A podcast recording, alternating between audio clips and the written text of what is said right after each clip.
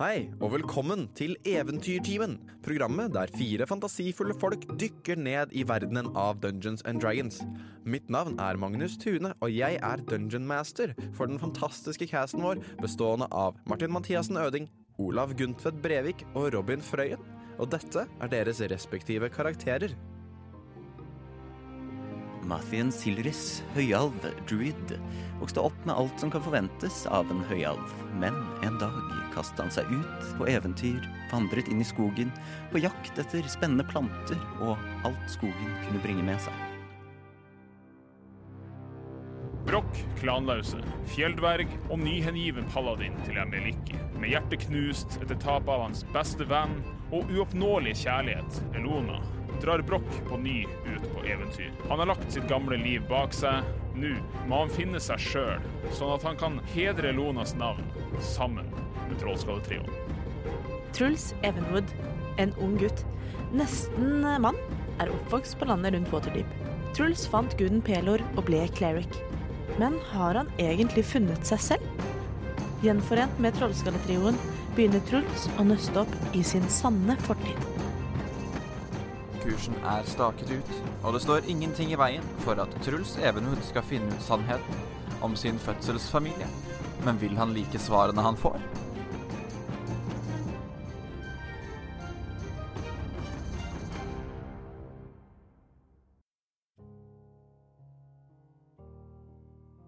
Trollskalletrio. I forrige episode så fortsatte søken etter sannheten om Truls sin biologiske familie.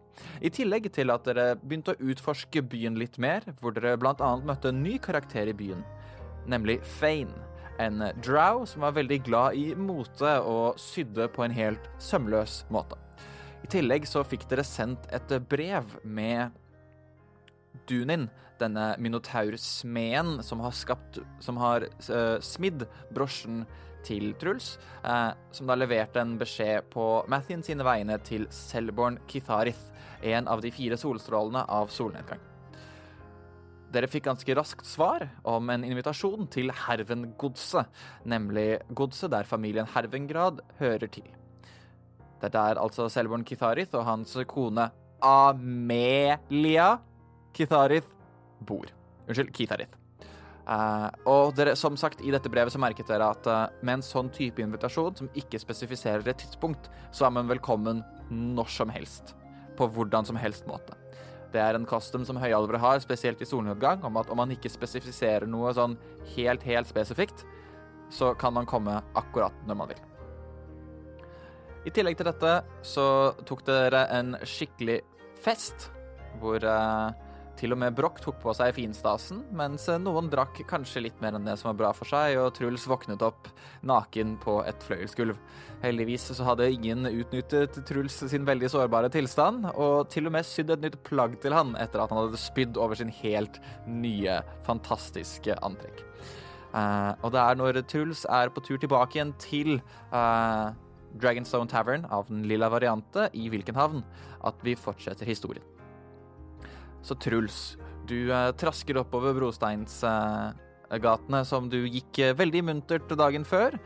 Føler deg nå litt bedre etter at du har lesser restoration av deg selv vekk fra noe exhaustion point, og da ankommer ganske godt ut på ettermiddagen eh, The Dragonstone Tavern, hvor du ser både Broch og Mathien sitter og spiser lunsj. Truls, Hei sann! hvor har du Hallo! vært? Nei, det er neimen ikke godt å si, Mathien. Men uh, jeg våknet hos Broch, du vet, dette, dette uh, har jeg sagt før, at når eh, folk liksom forsvinner Det var det som skjedde med Sala, og så kommer de aldri tilbake. Jeg har vært så bekymret. Og du har vært hos hvem da? Jeg kommer alltid tilbake, jeg, Mathien, altså. Det trenger okay. du ikke bekymre deg for. Jeg, skjønner at du er litt skeptisk, Martin, og, og, og det var jo ubehagelig der med Sala, men altså Nå er jo du også ung, og, og, han Truls er ganske ung, han òg, men uh, det er faktisk sånn at man kommer liksom i starten av 20-åra, eller da, slutten av av- tenåra, så, så er det vanlig, i hvert fall blant uh, dverger og, og, og mennesker, og utforske litt, og, og, og være ute og ramle litt rundt i byen og liksom teste grenser for seg sjøl og andre og sånne ting. Og, og, Truls har lyst til liksom Det han har lyst til å utforske ved sin tid, er sin egen leggetid. Da er jo det også greit, tenker jeg. Altså, hvis han har lyst til å sove nå, det går helt fint. Altså, jeg Selvfølgelig er det greit, men uh, det kan godt være sånn at i en viss alder, når dverger gjør ting, så, så utforsker de leggetiden sin og sånne ting. Men jeg vet jo tydeligvis ikke engang hvor gammel jeg er, så jeg vet ikke hva jeg skal utforske, jeg. Uff, stakkars Martin, dette finner vi ut av. Hva spiser vi til lunsj? Eh, dere spiser en herlig sånn fullvirkende Yes. breakfast eh, sånn som sist. Det virker som det er det de har til lunsj. Både frokost, lunsj og gjerne formiddag, så, så har de et eller annet sånt annet til middag. Eh, men det dere også har merket, eh, er at Og dere så det også på veien Jeg vet ikke om noen av dere sover på samme rom? Ikke Truls? Eh, men det virker i hvert fall som om de bestillingene dere har gjort, har nådd fram. Sånn at eh, Broch, du har fått uglebjørnpelsen din. Og, eh, og eh, siden det ikke var noe til å motta uh, din shipment, uh, Truls, uh, så står den i salen her, og da Gurnan kommer bort med den og presenterer deg med en en stor trekasse. Oi! Eh, ja. Så hyggelig, Durnan. Er du ferdig allerede? Hva mener du? Det er rustningen, ikke sant? Eller er det diamantene? Ja, nei, det er altså, det er altså uh, det er altså ikke duen din, men øh, Gurnan, bartenderen i, uh, i Dragonstone Tavern, som da gir deg en stor trekasse. Oh. Altså, jeg vet ikke hva som er oppi den, men vær så god. Hmm. Så spennende. Jeg, uh, jeg har mm, Jeg merker at jeg er litt skeptisk. Jeg har litt erfaring med kister som ikke er Kanskje skal. jeg kan åpne kisten? denne kassen. Skal vi, skal vi, kan vi kaste en stein på kassen og se hva som skjer? Jeg kan prikke på den med staven. Det syns jeg høres ut som en veldig god idé. Kan Jeg tar fram staven min, og så caster jeg Shillelagh. For å være litt ekstra. Uh, jeg ser for meg at vi sitter liksom på Brosteins uh, avdeling av denne flotte restauranten vår. Vi får litt oppmerksomhet. Uh, og så pirker jeg på kassen. Og idet du pirker på kassen, så øh, pirker du borti Du merker at du lager en liten sånn dent i den umiddelbart uh, når du pirker borti, for det er shillelagh, så det er ganske sterkt våpen du bruker. Men uh, det virker ikke som kassen har noen respons. Dere vet også at Gurnan plukket den opp på baren og slepte den på en måte bort til dere først. uh, så om det hadde vært en mimik av noe slag, så hadde den hatt ekstremt selvkontroll. Men jeg vil si at eh, det er riktig av oss å være skeptiske, jeg, da. Ja, altså, erfaring viser at mm. det er lurt å kanskje vise litt forsiktighet eh, i møte med nye kasser. Men eh, det ser jo ut, Martin, som at eh, Ja. den er trygg, den her. Det gjør vel det. Så Truls åpner kassen. Uh, du åpner kassen, og du får liksom jekka den opp, og der er både diamantene og rustningen din ferdig. Nice. Tusen takk. Uh, Truls uh, sender noen varme tanker til Dunin. Nei. Dunin. Jo, Nei. Ja. Jo, helt riktig. Dunin. Uh, du ser også at uh, idet du tar den på deg, akkurat på en måte der hvor um, du hadde blitt truffet, på en måte, så har han istedenfor å bare liksom legge over en, eller legge til en ny breastplate, så er liksom uh, skaden fins der, på en måte, men du ser litt nærmere på det, og du ser at han har på en måte fikset hele brystplata. Lagt inn en ekstra liksom en lappeplate, men så har han la, liksom nesten malt inn eller risset inn sånn at man liksom ser litt mer værbitt og på en måte skada ut, så det ser ut som du har vært ute en vinternatt før, istedenfor å bare ha en hel polish uh, på. Uh, han har vært borti eventyrere før, at ting ser litt ekstra skada ut, er ofte litt stiligere enn om det bare er helt Kult. nytt. Truls føler seg veldig voksen. Uh, Truls, hva gjorde du egentlig i går? Nei, altså Vi var jo sammen et stykke på veien. Ja, Sist gang jeg så så- deg, var på den um, våte kraken. ja, det kan nok stemme. Uh, det, jeg husker det er sånn vagt, og så vet jeg at Fane skulle møte uh, venninnen sin på et utested Altså en, en, jeg tror det var en type sånn nattklubb uh, som Jeg mener å huske at det het typ noe à la Den ruvende kentaur eller noe sånt noe. Men, men det er ikke helt jeg De er ikke veldig helt tematiske, disse utestedene i hvilke navn. ikke sant? Men eh, Nei da, så jeg ble jo med uh, Shane dit, og så hadde de noen De hadde noen skikkelig kule drinker. Det husker jeg. Det var sånne drinker som man kunne sette fyr på, og så måtte du blåse ut flammen før du drakk den, så du ikke brant halsen din. Og så var det jo selvsagt noen som ikke fikk det, uh, så det husker jeg. Det var veldig morsomt. Men det er også det siste jeg husker, egentlig. Eh, og så var det det var et band som spilte ganske sånn intens musikk som jeg aldri har hørt før. Men det var kult. Det var, det, Og hun var det eh, hissige gnomejenta, hun stjal rommen din, var det det du sa? Det er mulig, men jeg tror jeg stjal den først. Nei, det kan jeg ikke ha gjort. Det kan ikke jeg ha gjort. Det kan ikke Truls ha gjort. Truls har ikke stjålet den. Uansett. Um, Altså, jeg, vet ikke helt uh, hva det var med deg. Altså, jeg ga opp kvelden ganske tidlig. Det var et eller annet punkt at du begynte å bruke meg som stumtjener for den fine jakka di. For du hadde, du hadde ikke lyst til å få noe på den, og så ville ikke jeg være stumtjeneren din, så da tok du den på deg og rasla videre. Gikk det bra med den jakka di, forresten? nå skal du høre, Brokk. Det gjorde det ikke. Eh, Men som du ser, så Truls har jo på seg denne skinnende flotte outfiten fremdeles. Så som du ser, så eh, har jeg jo en jakke, eh, og den er eh, fin og fjong. Men det er mulig at dette er en, en ny jakke.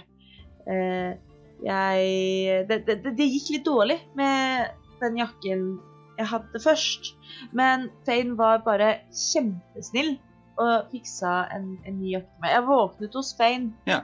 Eh, så jeg tror alt har gått Du bra. føler du har altså. alle deler intakt og i god behold?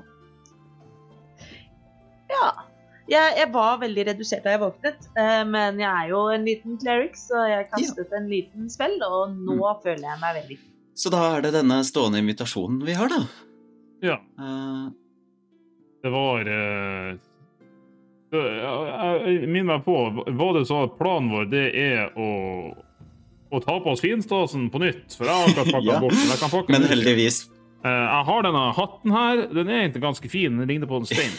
Uh, og eh, ja, så skulle vi bare liksom pakke oss sammen og så gå Eller skal vi bare sende et lite gatebarn i forkant og si at hei, vi kommer om ti minutter, eller hva, altså, du, du er jo litt uh, I din lange erfaring i ditt lange liv, Mathien, som vi ikke er helt sikre på hva som er greia. Mm. Eh, Hva, hva er prosedyrer om, om, om du skal over til en av disse andre familiene i, i solnedgang og si hei, eh, og, og, og få deg litt te eller litt kaffe eller hva som er greia? Nei, det er jo Så jeg vet ikke om dere har merket det, men alver har jo litt spesielle eh, tradisjoner. Eh, og liksom, ja, kutyme er jo veldig viktig. Eh, så det at vi nå har fått en stående invitasjon som kan leses som 'kom når du vil', det betyr egentlig Send en tjener som sier ifra når du kommer når du vil. Ja, det, det, det, jeg, regna med Så- at det var noe sånn. Da trenger vi en tjener. Ja, og han må være kledd en spesiell måte, og så må han kunne et spesielt type bukk.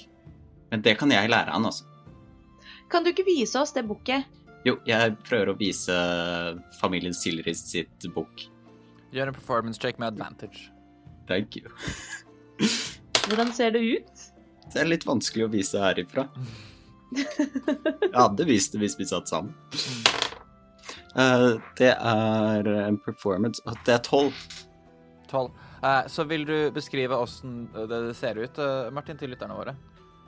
Uh, Mathien reiser seg da opp. Så bøyer han hodet én gang, og så løfter han den ene armen ut til siden, og så bukker han helt ned. ned. Eh, bøyer ryggen helt, og så legger han armen sammen, og så strammer han seg opp igjen. Det er ikke vanskelig. Det er på en måte en, en veldig enkel prosedyre eh, med, med tre steg, men det du merker, er at uh, Mathien, sikkert også litt redusert til gårsdagen, er litt mer sånn Litt mer shaky. Det er en veldig sånn Siden det ikke er så mange bevegelser i bukket, så er det ikke så mange steder å gjemme seg når det kommer til å gjøre at det ser bra ut. Og Nei. akkurat dette her er liksom Dere skjønner hvor han vil med det, men det er kanskje ikke helt som i solnedgang. Jeg er ikke så imponert, egentlig. Men, eh, Ja, jeg trodde kanskje det men, men Truls sier ikke det. Truls sier 'Det var kjempefint, Mathien. Ja, tusen, tusen takk. Så det vi trenger da, er noen som kan gå bort til Hervengodset og utføre dette bukket, og så må vi bestemme oss for et klokkeslett vi skal gå dit. Eh, Ja. Kanskje jeg kan, kan jeg komme med et forslag her mens jeg skjenker meg en kaffe til? Eh, skulle ikke vi bare ta Så han bartenderen her, han kjenner sikkert masse gatebarn eller tjenere eller et eller annet til utleie. Det, altså, de er jo litt mer fisefine her i Vilkenhavn enn de er i, i Waterdeep, så Kanskje de har noe sånn der tjener for eh, dagen, eller sånn der eh, ja, et eller annet. Du, du tar fram en sånn liten app, og så, så trykker du på et eller annet, og så kommer det en tjener, og så et eller annet. Det er sånn en sånn eple, vet du. Ja. Jeg tror jeg så ganske mange sånne til utleie på Den våte kraken, men jeg vet ikke om det var helt sånne du tenkte på, Brokk? Ikke sånne, sånne greier. Det, det, det er en sånn egen kategori med utesteder. Det var derfor jeg ville at dere skulle gå forbi litt raskere. Det var liksom derfor jeg tenkte at oi, og der var Truls borte. Tenkte at Jeg må i hvert fall bare få han Mathin hjem, og, og så tar vi det derfra. For det, den våte kraken, den er våt av en grunn. Ja, vi vet jo alt om det nå. Der, ja. Ja. Ikke sant? Mm. Ikke sant? Ja, det, det er nettopp det det ble sikta til. Men eh, du, bartender, Ja da. har du noen gatebarn til leie? Eller folk som kan være tjenere til leie? Altså Er det en greie her i byen? Altså, Åssen type tjener da, tenker du? Altså, Skal du ha noen til å levere en melding, liksom? Eller skal du be om info? Eller hvor, eh, åssen type gatebarn er du i humør til? Altså, et gatebarn som er relativt rent, altså innafor liksom hva som er greit, altså et relativt rent gatebarn som kan bukke, som ikke har så mye imot at vi liksom doller opp i litt rare klær, og som er helt komfortable at vi sender om til et sånt spesielt hus oppi ei hei, eh, hvor det bor masse noble folk, eh, og så banke på der, og så si tralala, her kommer vi. Eh, Det er egentlig greia. Ikke noe verre enn det. og Den kan snu og gå igjen med en gang. Den skal ikke bli med på noen båt til noen øy eller noe sånt. Det er bare liksom veldig streite greier. Skjønner at det, det var mer en som kan levere en melding liksom, som er relativt reint. Hvis jeg liksom kan eh, skyte litt gjennom og få ut essensen av det du prøver å si. I kløa. uh, og så må han kunne lære seg å bukke på en relativt enkel måte. Ja, nemlig. Uh, OK. Uh, ja, jeg kan sikkert Altså, det er liksom ikke noen plass hvor det henger gatebarn som kan bukke, men jeg kan sikkert forhøre meg Du har kanskje en kjøkkengutt? Ja, gi meg to sekunder. Er du Ja. Ja, Spencer. Ta, et, ta liksom et kvarter, og så finner du Er du flink å booke, Spencer? Ja? Ja. Kom ut her, da.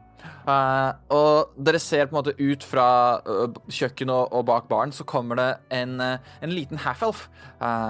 Veldig liksom langt, langt, langt blått hår som når han cirka til hoftene. Veldig liksom Veldig veldig prominente kinnbein uten at han ser på en måte mager og utsultet ut. Et blått og et rødt øye, veldig tykke lepper, som ser opp på deg Ja eh, Hei sann. Jeg heter, jeg heter Spencer. Jeg kan, jeg kan booke. Se på meg. Ehm, og så tar han på en måte begge hendene bak ryggen, og så gjør han Det er sånn hvor på en måte magen og brystet leder, og så kommer hodet etter hvert. Uh, type bukk. Um, uh, uh, trengte dere hjelp til noe, og betale for det? Ja, Spencer. eh, veldig fint bukk, men du skal få lære et nytt et av meg. OK? Eh, ja. Eh, vil du lære det nå? Mhm. Ja, og så lærer jeg ham Ja, Gjør en uh, persuasion check. En Persuasion check. Det er jeg ikke noe bedre i. Åh, ja. Uh, syv. Eh, så det, det tar litt tid, eh, men etter typ sånn fem minutter hvor han skjønner at han ikke skal speile deg, men heller bruke den samme armen som deg, så du må snu han litt rundt, osv. Ja, jeg, jeg tror jeg får det til nå. Og så var det på Herrengodset det jeg skal levere denne meldingen? Riktig. Og så må du si at uh, du kommer uh, Det er fra Mathien Sileris, Truls Evenwood og Broch Klanlause som Mm. ønsker å komme på besøk. Mm -hmm. uh, Og vi kommer hver klokke klokken nå? Eh, nå er klokken sånn typ tre på ettermiddagen. Truls sov veldig lenge. Oi. Da kan vi komme klokken Oi, oi, fem, da. Klokken fem, Truls Broch Mathien. Eh, har dere noe enklere enn å huske alle de tre navnene? Kan du å lese? Nei. Du Da kan også bare kalle oss kan bare kalle oss Trollskalletrioen. Det går også fint. Men Det, det kan jeg huske. Vet de at jeg er med der? Nei, men jeg kan huske Mathien og Trollskalletrioen. Ja, OK, prøv det. Ja, OK. Mathien, Kan, ikke, kan ikke han bare ta med denne lappen vi fikk av Dom, dem, og så skriver vi på 'Hei, vi kommer klokka fem'? Ja, ta med, lappen, ta med lappen tilbake, og så Og så uh, gir du beskjeden. Den lappen Hvilken lapp det er? Denne her. Vær så ja. god. Tusen takk. OK. Mathien, Trollskalletrioen 5. OK. Eh, Trollskalletrioen 5. og så Er det- liksom, så han, han går gjennom det tre-fire ganger i hodet, five. og så begynner han å Og så løper han sånn lett jogg. Lager han en liten sang for å huske det? Eh, gjør en perception check. Kaste terning. Uh, jeg tror de er Perception 12. Tolv. Så du hører en sånn Mathien er i Trollskallen fem. Fem er tidspunkt klokk... Nei. Og Før du- han kommer på en måte ut av airshot og eh, løper nedover gaten. Han glemte å, spør han glemte å få noen penger, da, men det får han få etterpå. Kanskje. Og Det er den eh, skarpeste dolken i skuffen, sier jeg. Jeg vil si Oliver kanskje er eh, litt mer, hva skal man si eh, Kompetent, men han her var ganske Han virker som han hadde driven da, til å få til ting. He's got the eye of a tiger. Nei, nei, nei. Nei, nei, nei. Eh, men ja, sånn at uh, Spencer har løpt av gårde og med den meldingen. Da. Uh, det, er nå, det er nå, Truls, du har et momentant øyeblikk av panikk hvor du ser på kronometeret ditt, og der står det fem. Å nei! Å nei! Men klokken er jo fe... Men øh, Dette kan ikke stemme. For, hmm, Truls stirrer øh, ganske sånn forskrekket ned på kronometeret og skjønner at noe er gærent. Men jeg skjønner ikke helt hva. Gjør en ny perception check. Uh, OK. Det er ni. Ni. Uh, ja, nei, du aner ikke hva som foregår. Nei, men øh, Truls, går det bra? tar det for god Truls tar det for god fisk, tenker jeg. Ja, det går fint. Det bare, jeg tror kronometeret mitt er ødelagt, kanskje? Det går ikke helt som det skal. Det står at klokken er fem, men vi vet jo at klokken er sånn ish tre. Nå har Så jo jeg må finne ut av det. vi har jo masse tid til å gjøre oss klare. Ja, ikke ifølge mitt kronometer, men det går fint. Jeg syns vi skal gå nå. Eh,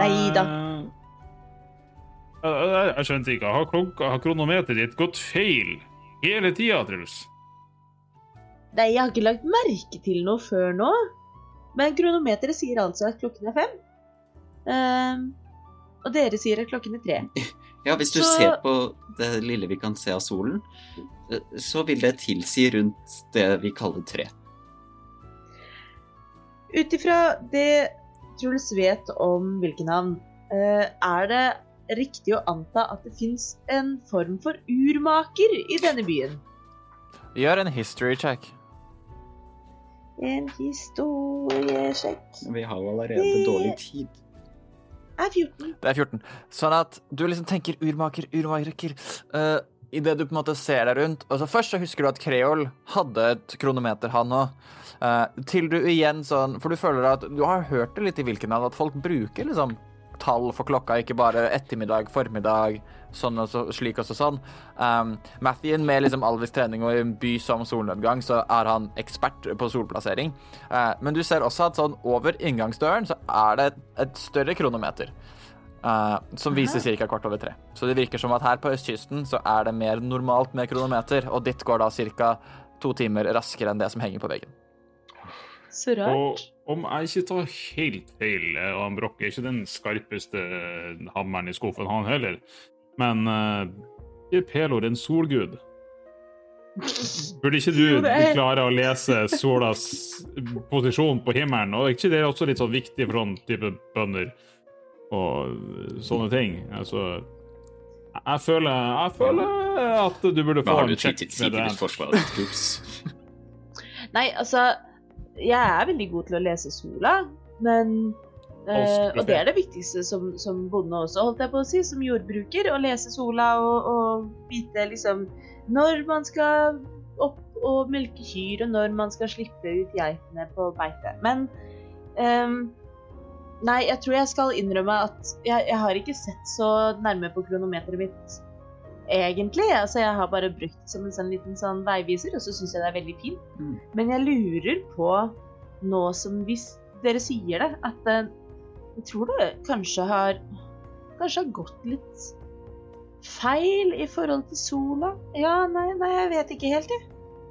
Eh, for kronometeret mitt, det går fra 1 til 10. Og Det går fra 1 til 12. Ja. Mm, ja da. Ja. Nei. Ja. Mm. Ja. Ja. Det var helt riktig på Truls helt til vi kom til Vilkenhavn, når folk driver med sånne kronometer og sånn. Truls? Ja? Mye av Noe eller ganske mye av grunnen til at vi skal til Hermengodset og besøke eh, alver og alt, eh, alt det koselige de bringer med seg, er jo at vi skal finne ut mer om din slekt. Vi burde kanskje avtale på forhånd hva vi skal spørre om. Det syns jeg var en god idé. Jeg tenkte Eh, Nei, å nei, det går fra spørre 1 til 12. om Men, men, du, men når, Amalie du, da, har- liksom, nei, når Amelia du legger deg, har så setter du den på tolv. barn noen gang, men det slår meg nå at det er kanskje ikke så For det er liksom leggetid. Det- Da starter du på en måte på nytt igjen. Det, det Sånn at det var sånn du startet å stille deg. At når du legger deg, da er klokka 12. Hvor mye sex har du hatt i livet ditt? Har du vært uforsiktig med tidspunktet du har gjort det på, og tror du det har gjort at du har fått unger? La oss ikke spørre Jeg føler jeg vil dekke det ganske godt. Jeg, jeg tror kanskje ikke det er lurt å spørre på den måten, selv om det er én måte å spørre på. Definitivt. Uh... Fins det en høflig alvisk måte å spørre på? hvordan går det med familien? Den er fin. Mhm, Den er fin. Det kan man spørre om. Uh, så jeg skal ikke stirre henne dypt inn i øynene og spørre med en liten son of truth er du min mor? Ikke med en gang, kanskje.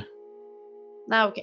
Kan du OK, ok, nå har jeg faktisk en plan som ikke er frekk. Ish. Altså, det er opp til dere å bedømme hvor frekk den er, for jeg er ikke så god på akkurat det der. Du kan jo rushe rundt og liksom teste vannet om, om Hei, is you my daddy? Eh, for å si det på alvisk. Eh, De, gjør, de sier Men- det på alle. ja, du, jeg har hørt det der, skjønner du. Det var det, jeg- det var det jeg ønska at Rona skulle si til meg. God. Nei, eh, vi kan kutte den. Eh, Nei. Eh, Det som er at Kan ikke du ha Du har jo den Hegre-brosja di. Kan ikke du bare sånn Ja. casually ha den på innsida, eller bare sånn et eller annet sted på kroppen din, så hvis du ikke får noe liksom napp fra disse folka, så kan du sånn casually bare sånn Se på skuldra mi, hva jeg har brodert inn i, i, i, i kjolen. Nei, ikke kjolen, jeg vet ikke hvor jeg sier kjole. Jeg bare ser for meg sånn herre At alle går i sånne romerske kjoler, av en eller annen grunn. Eh, men ja, at eh, du har den litt sånn casually der. Eh, sånn at du liksom bare sånn Hei, kanskje de kjenner igjen og reagerer på det. Siden det var one of a kind ifølge din. Det syns jeg var en ganske god idé. Litt sånn inne på skjorta. Ja, hva tenker du, Mathien? Nei, og så tenker jeg bare at jeg kan introdusere dere først når vi kommer. Og så kan du ta over ja, så kommer de sikkert til å lede oss inn og masse spørsmål og bla, bla, bla, og alveprat og rikdom er bra og solen er høy og alt det der. Eh, og så kommer Og så, når vi kanskje har blitt satt ned og fått litt forfriskning i mat og drikke og sånne ting, så Truls, kanskje. kan vi sette i gang. Ja. Ja, nei, jeg syns det høres ut som en god plan, jeg. Og så kan jeg ha den uh, hegrebrosjen kan jeg ha liksom uh, inne i, i skjorte... Nei, inn, i jakken! Inni jakken. Og så kan jeg på en måte liksom bare lene meg litt fram, sånn at jakka åpner litt, og så henger den der. Det syns jeg var ganske lurt. Og så Å nei, så se hva jeg som sånn falt ut! Å nei! Ikke sant. Veldig sånn uh, påfallende. uh, ikke med vilje i det hele tatt. Det er jo Truls en ekspert til. Men eh, nei, jeg syns det var en veldig god plan. Og så tenker jeg litt det, Mathien, at her skal vi jo menge med ekte alvealver, på en måte. Så Hva mener du? Nei, jeg, jeg tenker bare at det er lurt om du leder an. Ja, Du som helt, kan helt enig. kutymet. Helt enig, Truls. Du som også er en ekte alv. Ja Nå får Mathien snart identitetskrise no nummer igjen. Uh, Takk for ja. påminnelsen, forresten. Unnskyld at jeg avbryter. Jeg må bare huske, jeg glemmer dette her sånn cirka hvert tiende sekund. Olav, du må rulle en D100. Ah, I oh. Nei! Hva? yes. Mathien går og pynter seg Er det fordi jeg ikke er en ekte alv? I'm a real boy. 39. OK. Uh, jeg går og pynter meg. Truls henter brosjen sin. Du fester brosjen din? Ja. Eh, gi meg en uh, generell dexterity check. For å se om han stikker seg med nålen. Ja, nei, men for du skal liksom sette, du skal syne en brosje på en litt sånn inconspicuous plass. sant? Ofte så settes den i tykke biter av tøy, men hvis du skal liksom gjemme den litt, så er det gjerne tynnere biter av tøy, som gjør det vanskeligere at den sitter fast. Så en to, det gjør ikke Ja, sånn at den sitter fast, men du merker at Har du den på innsiden eller på utsida? på innsiden, Ja. men Truls kan ikke miste den. Å, nei, nei, nei. Men den bare sånn, for hvert eneste steg du tar, så stikker den deg litt sånn akkurat uh, i en liten sånn weak spot i armoren din. Så det er litt som å ha en torne som sitter fast. Uh, så det, det gjør litt vondt, men du tenker at nei, du, du orker den smerten. Har jeg rustning på under festantrekket mitt? Jeg, jeg, hvis du har rustning over festantrekket, så syns jeg det ser veldig rart ut. Uh, men det kan du jo bestemme selv. Ja, for hvordan blir det med det? Jeg tror Sånn at fest... Truls res respekterer liksom det at det skal være skikkelig, og at man skal være ordentlig. Så jeg tror Truls ikke har på seg rustning. Okay. Så, Det er jo famous heller. last fucking words, men uh... ok, Altså, eh, altså hele rustninga mi er eh, paraderustning. Det var jo greia. Klokka derfor jeg ikke joina klær til dere andre. Mm. Så, så jeg har rustning. I hvert fall. Og da, siden jeg er så penpyntet, er jeg da tilbake på en armor class på 12. Ja, Ja, for hvordan funker det? Kanskje jeg kan inne i din Det kan du så på kan jeg equipment. Ja. Ja. Så spørsmålet er om du har med skjoldet ditt også, og våpen. Uh, skjold og våpen har jeg nok. Skjoldet har jeg strappa over sånn at jeg har det på ryggen. Og så går jo ikke Truls noe sted uten hånden sin. Ja, for da har du i hvert fall tolv. Det er sant. Vent, hva er deksmoden din? Er det null eller er det minus én? Det er null. Da er du tolv. Når du har skjoldet framme. Når det er på ryggen, så har du ti. Ja, Haha, han er sin mer dexterity enn Truls. Men nå undercoopet jeg armoren min, og likevel så står det 19. Ja, jeg får bare huske det. Ja. Ja. OK, da er vi pent pyntet, og hatten er på brokk. Jeg har gått ned og, og putta all feststasen tilbake på armen min, sånn at jeg blir fin og flott og har duskene mine og er sånn full paradedverg med en gråfarga fess på hodet. Så bra. Siden dere var så snille og ga den til meg. Kan, Ja. ikke, kan ikke du ri inn på sortpølsa? Hva var det du kalte han? Hvem er sortpølsa? Er? Svartpølsa. Sortpølse. Herregud. Det heter svart enke, ikke sort enke. Det er viktig forskjell. Okay. Jo da, jeg kan eh, Men skal, skal OK, OK. Er ikke det litt majestetisk, liksom? Jeg kommer til å be deg om dette her kun én gang. Nei. Nyt det. Han, han svartpølsa, han er Han er jo en veltrent vallak fra, fra feverden. Ja. Men, men han er ikke så pynta. Nei. Eh, og han, han liker jo sånne blomster. Eh, Uh, og det gjør jo du òg. Så han har et svært gevir som det passer å henge ting fra. Og så kan ikke du gro litt blomster, buketter, og bare dekorere uh, han uh, han svartpølsa.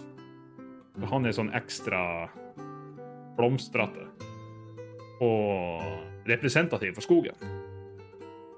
Ja, selvfølgelig kan jeg dekorere svartpølse. Jeg har ikke så mye dekorasjonsmateriale igjen. Sist gang jeg faktisk plukket blomster, var i skogen, tror jeg. Uh, Jeg har noen frø. ja. Du sier du har det? Hvorfor, hvorfor har Broch noen frø? Det er fordi jeg tygger frukt og, og, og, og, og ting, og så spytter jeg et frø. Tar vare på dem. Fordi det var Wow. sånn lærte vi å gjøre i skogen. Skal ta vare på ting.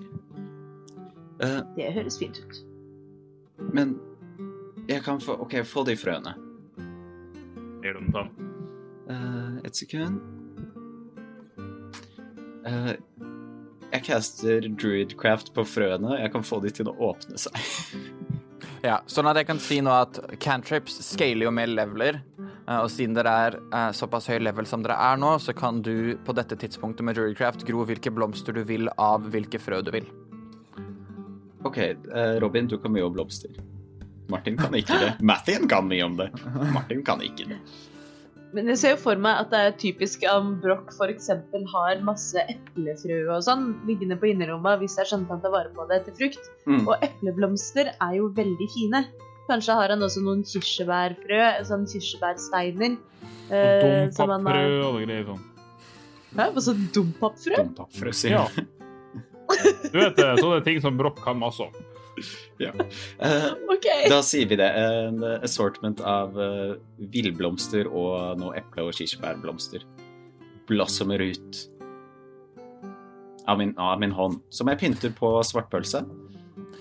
Eh, Gjør du det med en eh, blomsterkrans, eller bare putter du det inn i den tykke pelsen? Jeg liksom putter det litt sånn rundt omkring, sånn at det ser litt vilt og friskt ut. Den er grei.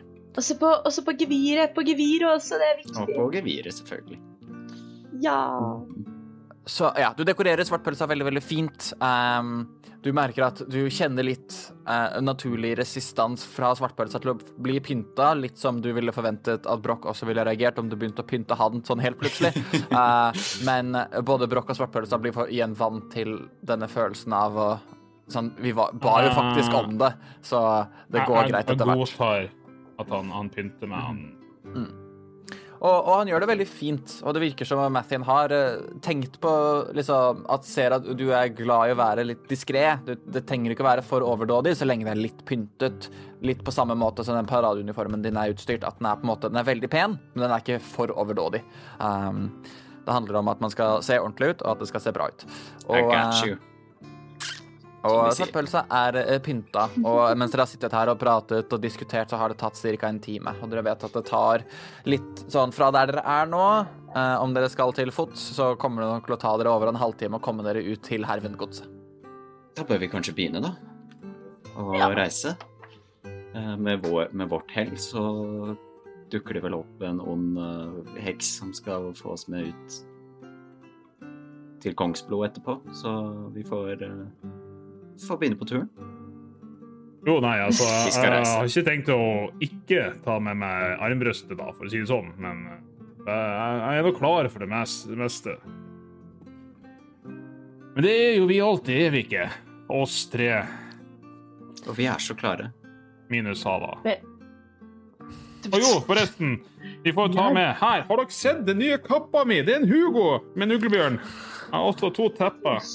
Det er ganske Det var ganske majestetisk, Det er Så fin brokk. Du har liksom brukt hele dyret. Bortsett fra det du kastet på sjøen. Nei, altså Ja, altså det var, jeg kastet Sala på det sjøen, ikke Jo, både Sala og kroppen innvendig, men det ble jo fiskemat, så Sirkel. Mm. ikke sant. Ja. Så Eh, du fikk vel også et par tøfler og et teppe med eh, jeg tror jeg droppa tøflene og, og tok bare tepper. To tepper, okay. så jeg har liksom uh, Ja. To bjør bjørnefeller. Mm. Men uh, jeg, jeg er nå klar, eh, og, og du virker klar du også, Mathin. Og da er egentlig bare spørsmålet til deg, Truls. Er du klar til å møte familien din? Åh, det tror jeg aldri jeg kommer til å være, Broch. Men vi vet jo ikke riktig om det er familien min engang. Det jeg i hvert fall er klar for, er å bli litt klokere. Så jeg tenker at eh, det bare er å gå i vei, tror jeg. Er vi klare for å møte Amelia? Ja. Ja. Bra. Men før den tid så tar vi en liten pause. Tusen takk for at nettopp du hører på Eventyrtimen, Norges aller beste Dungeons and Dragons-podkast. Syns i hvert fall jeg, og jeg er kanskje litt partisk som Dungeon Master. Men én ting jeg er sikker på at vi alle kan være enige om at vi elsker, er jul. Så da håper jeg at du, vår kjære lytter, har en strålende førjulstid, eller romjulstid, eller kanskje det er midt på året, men i hvert fall rundt juletider vi har spilt inn dette. Dere er de beste lytterne en podkaster kan be om. Vi elsker når dere sender oss meldinger på Instagram osv. Vær så snill og fortsett med det. Ønsker dere en fin førjulstid og en kjempegod jul. Håper at dere koser dere med denne episoden, og gjerne hør igjen på fjorårets julespesial. Og med det så tenker jeg at det er på tide å dykke tilbake igjen i denne episoden. Det blir ganske heftig etter hvert.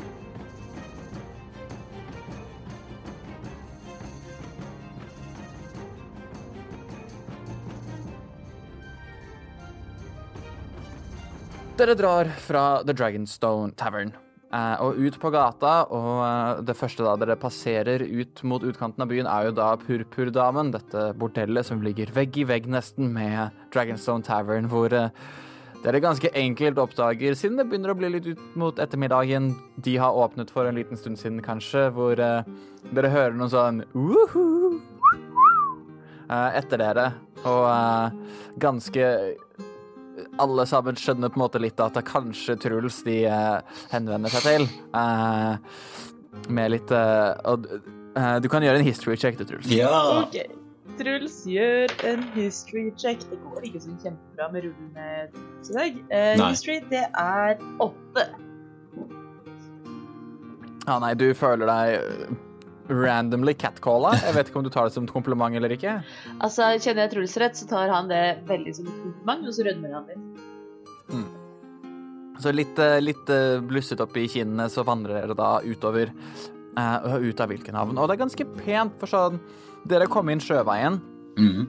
og dere merker litt hvorfor, for selv hovedveien ut av Vilkenhavn er ikke veldig godt lagt. Dere skjønner godt at det er havnebyen Vilkenhavn som er i fokus, og alt rett utenfor er litt mer på landet. Så å reise hit i hest og kjerre hele veien hadde vært et mareritt på disse ujevne eh, brosteinsbelagte gatene her, og når dere kommer litt lenger ut, eh, ganske humpete, hullete vei. OK. Ser vi noe spesielt eh, på veien? Gjør perception check. Thank you. Ah, natural 20. Oi, Ja da. Nice. du ser alt. Jeg trenger en natural 20 i disse koronatider. What, what does your elf eye see? Alt. Uh, sånn at jeg vil bare spørre, åssen er det dere reiser? Er det brokk på, uh, på elgen, og så dere to andre som følger til fots? Egentlig så burde jeg være på elgen, for ellers kommer de alvene som bor der, sikkert til å bli fornærmet over at jeg må gå og en dverg rir. Og så burde vi vel egentlig leie noen litt fine hester. Som vi Men nå har vi allerede begynt å gå, og vi brukte Mm. Det er sant. Dere har allerede dratt, så det Det jeg gjort.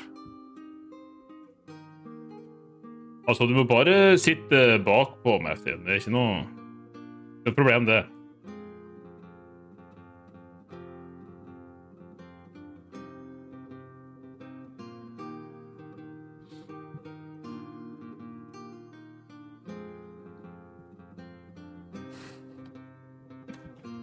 Jeg, jeg hopper på svartpølse. Og sitter, jeg, sitter ikke med bena på hver side, jeg sitter med bena på én side. Du, du rir sånn Ja. damesal. Al alvesal. Alvesal. Si- Sidesal, som det heter. Det er det det. Mm. Og så spiller musikken fra Tre nøtter i Askepott spiller mens jeg og Brokk rir. Bling, bling, bling, bling, bling, bling, kling, kling. Ja, ja, selvsagt. Ja. Sånn småjoggeretter, så dere opprettholder et, et visst tempo. Du kan gjøre en constitution saving throw, Truls. Og vær så snill, eh, kan ikke Truls løpe etter med to kokosnøtter og lage ekstra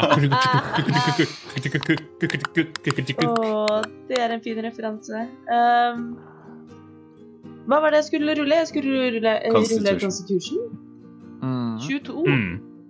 22. Ja, sånn at du helt fint eh, klarer å holde følge. Du blir ikke veldig sliten uh, mens, du, mens du løper, heldigvis. Uh, men Mathin, med din perception check på natural 20 fra, fra bakpå uh, Fra bakpå uh, svartpølsa, så merker du at med en gang dere kommer ut av byen, og det blir litt mer sånn skogsaktig, så føler du at noe beveger seg i eh, i på en måte buskaset ved trærne som dere rir på nå, for at dere har på en måte det som ser ut som store jorder på venstresiden, men akkurat på en måte fra der dere er nå ut til kysten, så er det ganske tett belte med eh, skog.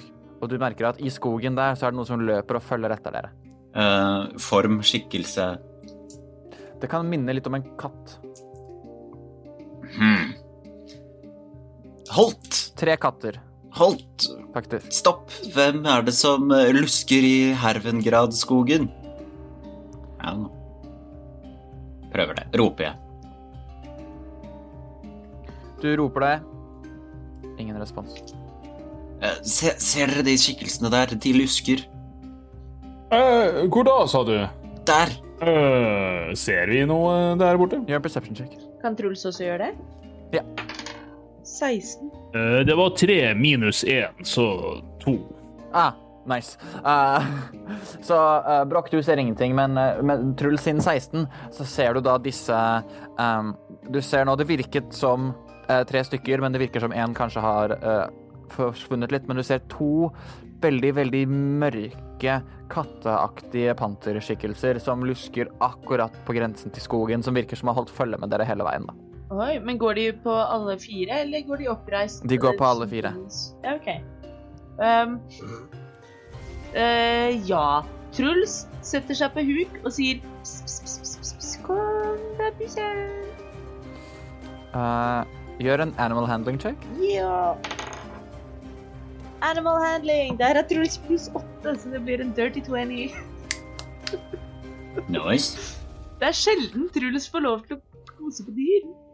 Ja, for de så ut som Du ser nå at du trodde de var nærmere enn de var. For de nærmer seg litt og litt og litt, og du ser at disse er gjerne litt større enn svartpølsa. Mm. Og dere er ca. 20 fot unna skogholtet. Og idet du har på en måte nærmet deg mot de og eh, lent deg ned, så hopper det ut to displacer beasts fra skogen. Og jeg vil at alle skal rulle initiativ. Men er de sinte? For Truls sa puss, puss, puss og rullet en dirty 20. But they're not beasts. Men vi, er jo... ikke animals. vi skal på fest. Vi hadde akkurat forlatt byen. Nå rullet jeg en natural Altså, ikke 20. ødelegge finstasen nå. Med tolv i, i AC. Oi, oi, oi! Å, med finklærne våre. Tenk hvordan de får medfart med klør. Ah, 19. Åh, Huff a meg. Null problem. Sånn at da er det de, og så er det Truls med 20 og Mathien med 19 og Broch til slutt.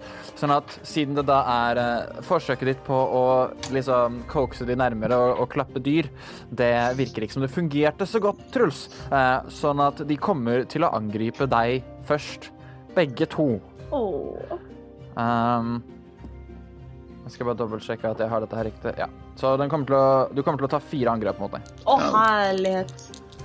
Hvor mye hadde du i AC, Truls? Vel, skjoldet mitt er på ryggen for øyeblikket, da. Ja. Eh, det første uh, angriper deg to ganger med 20 på hvert av angrepene. De bommer det, altså. Nei, det er selvsagt treffer det. Så, Så- fra den-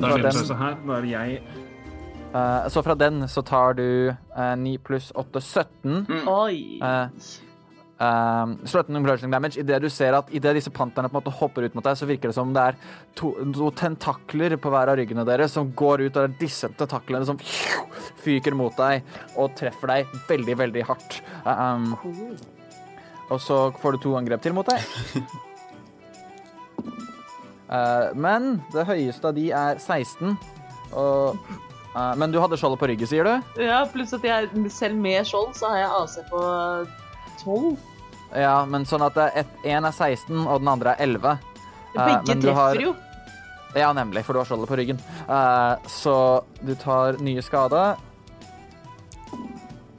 Som det er åtte skade pluss eh, åtte skade, så 16 skade til. Å nei, å nei, å nei. Sånn at du får disse fire gangene. bom, bom, bom, bom, slående løs mot deg. Det gjør veldig, veldig vondt. Det er din tur. OK, så Truls tar jo nå og svunger først skjoldet, sånn at uh, han får det på armen heller enn å Ja. ha det på ryggen. Um, Yes.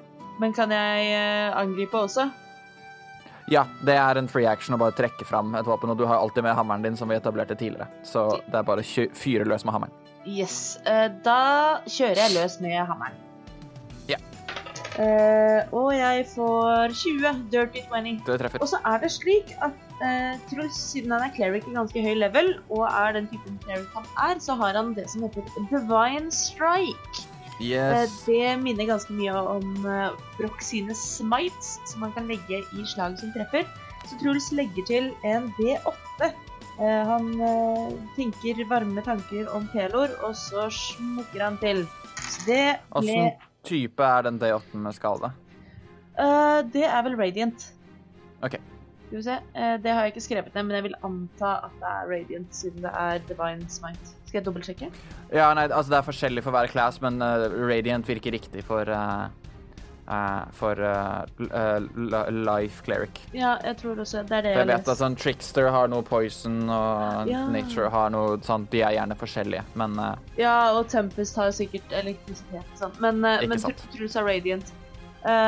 Så det ble åtte radiant damage og fire bludgeoning damage. åtte Radiant og fire Bludgeoning. Så det blir da åtte pluss fire, altså pluss eh, strength modifieren din, kanskje? Nei, jeg fikk, jeg fikk én på den andre terningen. Så jeg har Å ja, ikke sant. Så tolv skade totalt. Ja. Den er grei. Uh, kan jeg gjøre en bonus action, eller var egentlig det å hente skjoldet mitt en bonus? Nei, nei, du kan gjøre en bonusaction. Da sier jeg Pelor, hjelp meg! Og så kommer det en ljå ut av ingensteds. Eh, for Truls har kastet spiritual weapon på Jeg tror han gjør det på third level. Ja, skal bare sjekke om det liksom gjør det noe forskjell. Nei. Om det er third. Nei, Hvis du kaster det på fourth, så gjør det forskjell. Ja, ikke sant. Eh, på Nei, da kaster han på seks. Mm. Angriper du Angriper du også? Det kan jeg vel ikke. Det blir vel litt mye på en gang. Du kan Altså, vi har gått gjennom dette sånn hver gang, Robin.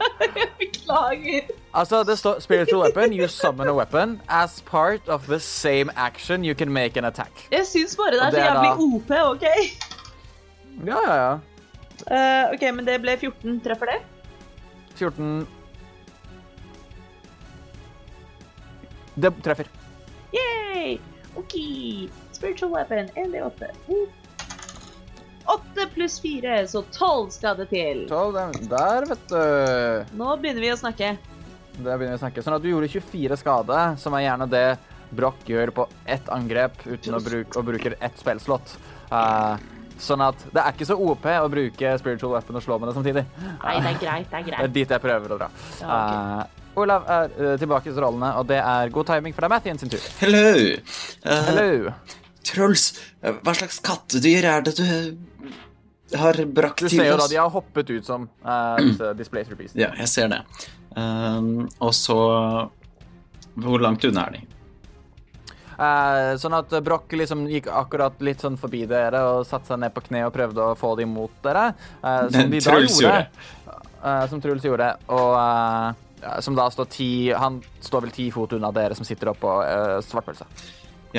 Eh, jeg har jo ikke på meg eh, det som pleier å beskytte meg, og nå er jeg enda svakere enn det jeg pleier å være. Så eh, kan jeg se hvilken som er mest skadet? Ja, Truls har bare angrepet én, så okay. du ser den veldig tydelig har tatt en del skade fra Truls sine to angrep. Så da vil jeg ta en av de andre. For det var jo tre. Ja, nei, du trodde først det var tre, men det var kanskje disse tentaklene som gjorde at det så ut som det var tre. Det var bare to. Da vil jeg ta den andre, og så vil jeg kaste peke på den, og så kaster jeg blight på den. På fourth level level. Hva- De gjør en save. Constitution 16. Det er eh, Ja, det er 21. Fuck han. Uh, uansett uh, 35 delt på to. Det er uh, 17. Han tar 17 necrotic damage når eh, forråtnelse vasker over ham. Wowie. Sånn at dere ser Mathien eh, bringer hendene sine sammen og kaster blight på dette Displacer Beastet, som virker som noe av skulderen dens liksom råtner vekk idet den uh, gjør seg kanskje klar til å angripe Truls eller noen andre. Uh, det er da videre Broch sin tur. Eh, jeg, jeg, datt litt ut der i starten av fighten og, og fikk ikke helt hva med meg hva Truls gjorde. Hva skjedde? Sånn at, så Truls satte seg ned på, måte på kne og prøvde å få disse pusekattene som han trodde det var, fra skogen ut. Det viste seg å være to ganske enorme displacer beast som matcher elgpølsa i størrelse. Eh, som da fikk disse tentaklene ut av ryggen og har slått Truls fire ganger, altså to ganger hver. Eh, etter det så fikk Truls vondt, men Truls slo én og angrep den med sin spektrale ljå. Eh, og så tok Mathien da angrep den andre, sånn at begge to har tatt skade. Den ene ser en del mer skade ut enn den andre. Her må de se minst skade ut?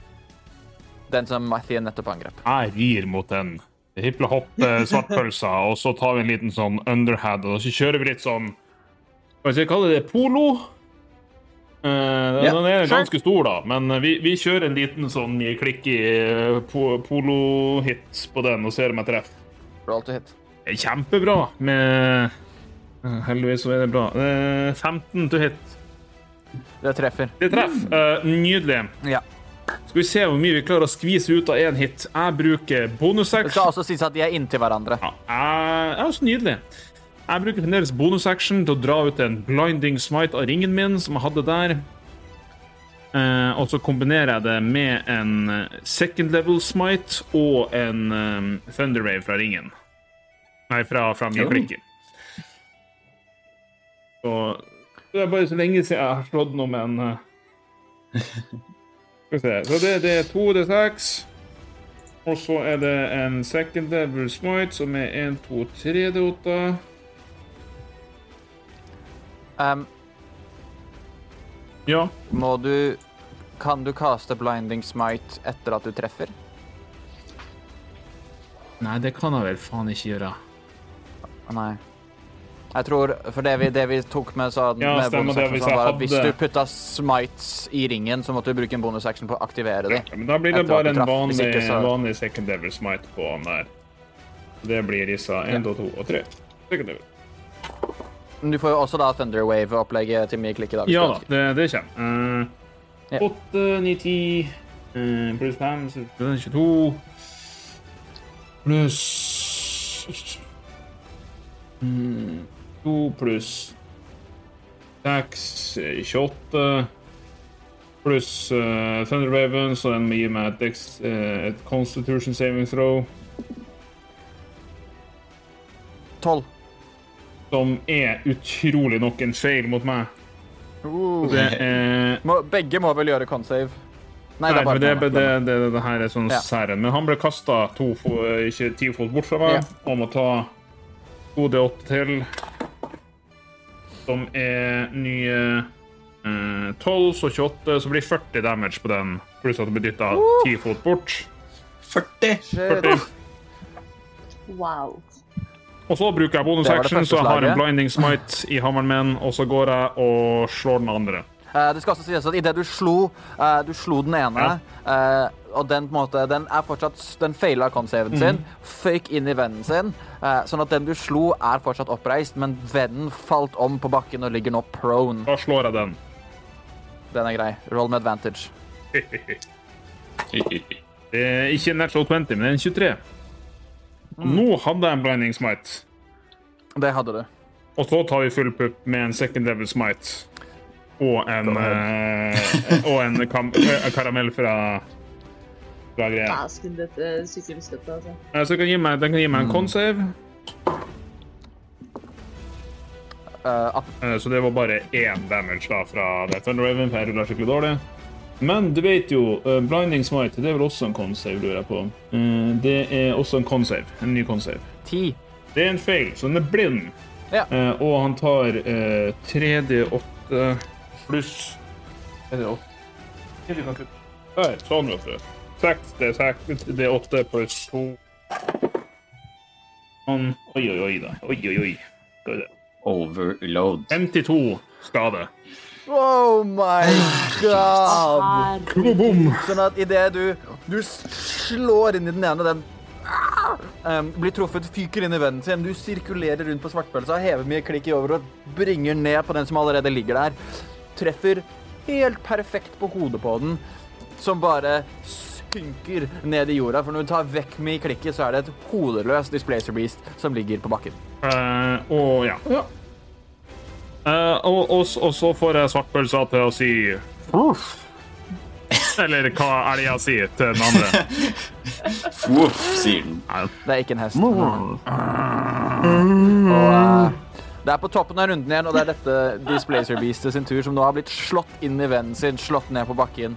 Eh, oh, Den stikker av.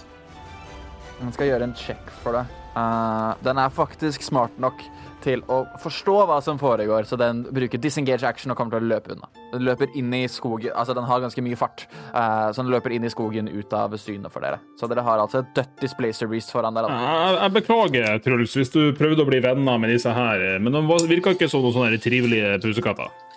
Hva var det der for noe, egentlig? Noen som har sett noe sånt før?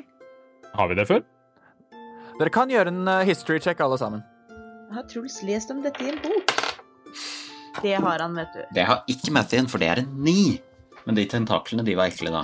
20, 21. 19. Ja. Eh, så Mathien, du, du er liksom usikker, eh, men dere andre vet helt tydelig at Displacer Beast er et av sånn de mer eh, på en måte, Da fra skrevet historier begynte, så har Displacer Beast vært noe av de mest vanlige monstrositetene som har bodd eh, i verden, i på en måte den materielle virkeligheten. De er et monster som eh, ofte kan se litt ut som pantere og har med å, å, å angripe folk på en måte sånn som de nettopp prøvde å angripe dere. Og dere merker at sånn spesielt utro som ble slått av eh, de to tidligere, at når de først får et godt abbers på deg, så er det veldig, veldig vanskelig å komme seg unna. Spesielt også fordi de er ganske vanskelig å treffe. Eh, men dere traff tidlig. Så eh, dere vet tydelig hva et Displacer Beast er. Det er ganske lignende en enorm panter med tentakler på ryggen. Da. Men eh, dere er altså ute av initiativ og eh, fortsetter veien mot herven uh, Godse. Jeg kan si at på vei dit så kan dere få lov å gjøre en long rest om dere ønsker det. Oi. Altså, jeg, jeg tenkte Oi! Nei, ikke Unnskyld. Unnskyld. Short rest. Ja, om det var veldig fint. Rikelig god tid. Eh, jeg, vil tenkte bare bruke tida til å, å vaske hammeren og se om jeg fikk noe Ja. gris på, på svartpølsa. Og Truls. Bare Du føler Du traff så, du traff så presist at uh, uh, Og den er på en måte ganske relativt flat, denne slegga her. Den er liksom ikke liten, den er ganske brei og god. Uh, sånn at du merker at mesteparten av hodet ble på en måte med ned i jorda og er ganske sentrert der. Men du ser noen sånne lillaaktige blodflekker så på ene skulderen din som du bare børster av lett. mm. Var det en hånd der, Robin? Hæ? Nei, jeg healer. Jepp. Ja, så dere kan bruke hit dice for å få healt opp eh, det dere ønsker, og så bare si fra når dere er klare. Jeg ble ikke skada mens jeg var borte. Nei. Uh, nei, det var bare Truls som tok skade. Trenger du litt er sånn Truls, så må du bare si ifra. Nei, det går fint. En liten short rest gjør eh, susen. det. Det blir kjedelig å komme skada til, til party. Ikke sant, ikke sant? Nei, så uh, Truls uh, har full helse igjen. Jeg brukte fem Jeg bruker traiten min natural recovery til å få tilbake min fifth level spellslot. Uh, Du, fourth level kasta du vel på? Nei, fifth, up to fifth level. Å ja, OK. Mm. så. Uh, Brukte, brukte du fifth Så. level på brett? Det er fort level spell? Uh, nei, nei, men fra før av. ehm, nei, jeg tenkte på noe. Det forsvant. Jo, uh, det har Trym sine klær blitt skadet av uh, The Happenstance. Har det Eh. vært uh, har det vært noe medfart med klør? Uh, ikke noe mer Ikke noe mer enn litt sånn skitt og smuss fra Fordi det har ikke vært noe særlig klør som angrep deg, heller disse tentaklene som egentlig er bare sånn uh, Virker som var fylt med murstein. Sånn at det, det merkelige såret når du har, er heller blåmerker på huden, og ikke som sitter igjen i klærne. Jeg føler vi trenger en fransk mann til å vaske bort dette skittet og smusset. Jeg komme her og få bort det der griseriet? Du kan ikke komme her, og vi skal på fest. Det er ikke akseptabelt. Nei, nei, nei, nei. Du er en ekkel liten mann hvis du kommer med blod på dine klær. It's a cross. No. Og mens dere da går bortover og prater om åssen dere eventuelt skal løse disse vanskelighetene, eh, så begynner dere å se eh, Så ser dere et skilt som viser Hervengodset, og en, eh, liksom en pil i en retning. Og dere skjønner fort hva som er Hervengodset. Fordi dere ser tidlig i en liten sånn steinmur som inngjerder et område på kanskje 100 mål, sannsynligvis mer. Kommer altså opp denne kjerreveien og ser godset flere hundre meter unna. Det ser ut som et fem etasjers hvitt hus som brer seg langt bortover. Eh, da dere på en måte har et veldig høyt hus i Trollskallevillaen, så er dette veldig mye bredere og lengre, men ca. like høyt. Det er et type hus som gjerne er delt inn i fløyer, og selve eiendommen er eh, omringet av da en to meter høy steinmur som dere nå går langs. Og dere ser at når det kommer til, og dette merker egentlig du mer, Brokk, at denne steinmuren har all mulig type forskjellig stein.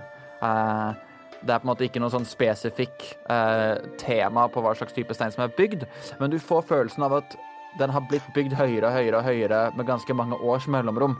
Eh, som om de som bor her, har på en måte bygd opp at sånn, når de har tid til å bygge høyere mur, så har de bygd høyere mur.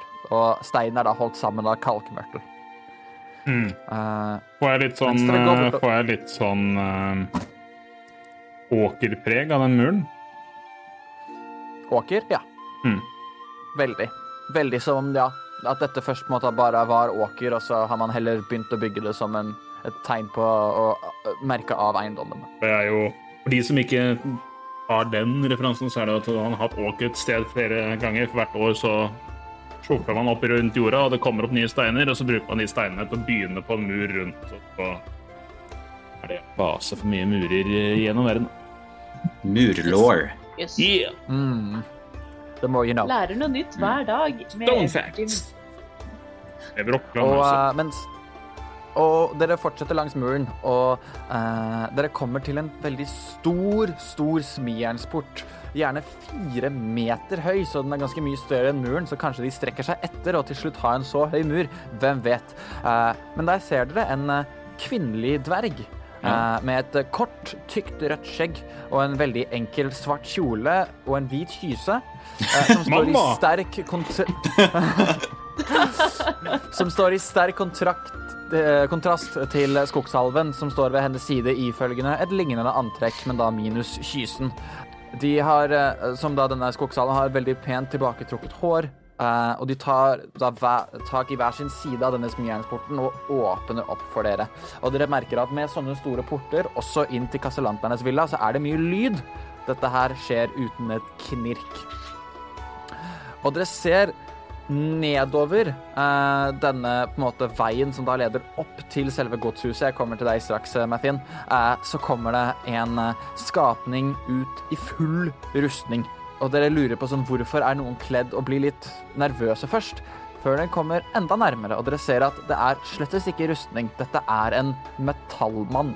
Og jeg vil at alle skal gjøre en history check. Eller history eller arkana. En metallmann? Dette har jo muligens ikke eventyrerne vært borti før, men uh, for lytterne våre så er det vel det Ina Sletten spilte i Halloween-spesialen. da. Korrekte mundo, kanskje? Uh, det er en 23.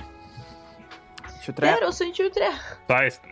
Tw Twin Seas. Ok, Sånn at alle sammen er kjent med det som kommer nedover veien her. Og det er akkurat som dere sier, det er en uh, på alvisk warforged.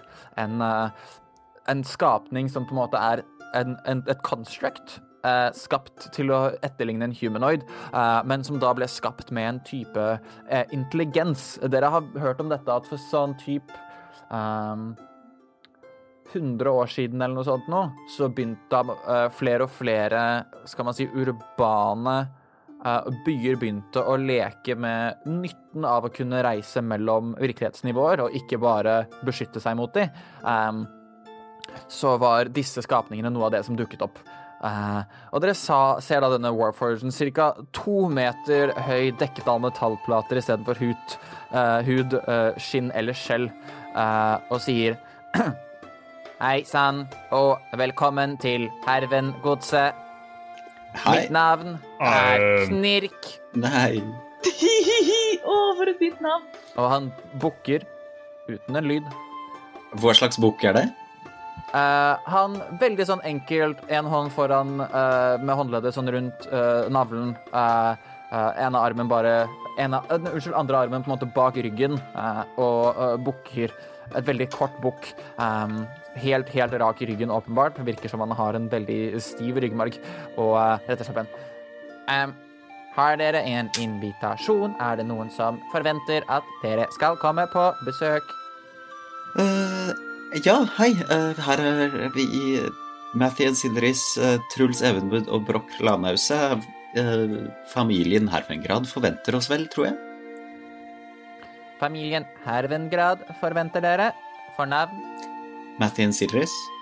Ja, men på hvem ja, i Hervengrad familien dere skal møte? Hva? Giovanni. Eller hva det Nei, det var ikke det. Selborn. Nei. Ah, dere eh, mener master Kitharith? Ja. Ja, uh, jeg forstår. Han holder til i østfløyen av bygget. Uh, Selvborn Kithar, og ditt navn var Mathien. Er du en del av femtrioen? ja. I get it. uh, eh, t- Trollskalletrioen. Ah. Det forklarer hvorfor det er ingen troll med dere. Riktig. Eh, eh, selvfølgelig. Um, Gerta, Uh, rusle ned av svartpølsa, sånn at uh, Mathien kan uh, ri for seg sjøl. den er grei. Og uh, uh, Knirk retter seg. Gerta, kom, følg disse til herr Githarith.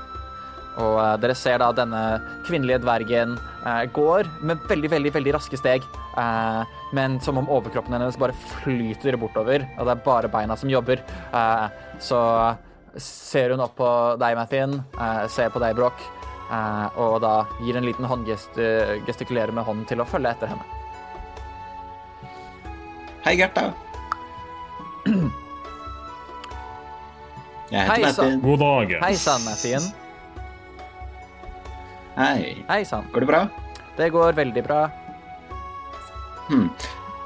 Hvilken vei skal vi? Uh, vi skal på østsiden av uh, fløyen. Uh, følg etter meg. OK. Følger etter. Og eh, Hvordan ser det ut? Får jeg på følelsen at dette her er en ekte dverg, eller et metallkonstrukt som har på seg en dvergdrakt? du kan gjøre en insight check. Med Nei, insight check.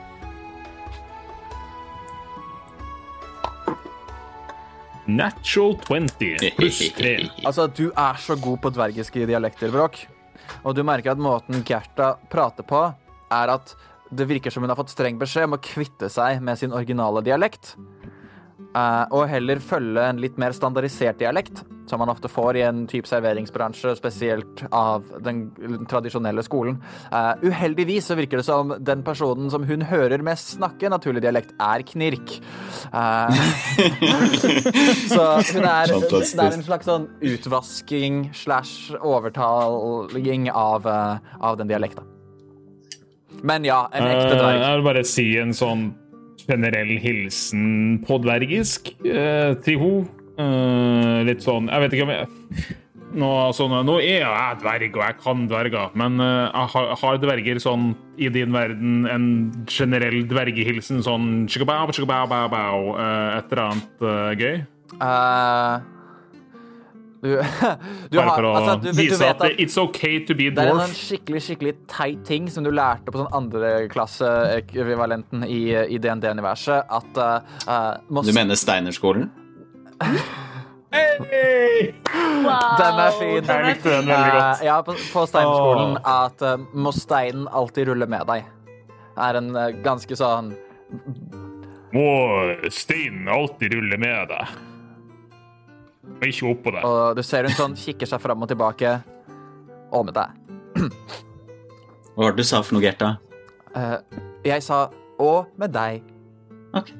Og med deg. Respekt. Unnskyld. Uh, eh, denne veien. Og dere ser dere gå inn, og dere ser at dette godset er helt plettfritt hvitt.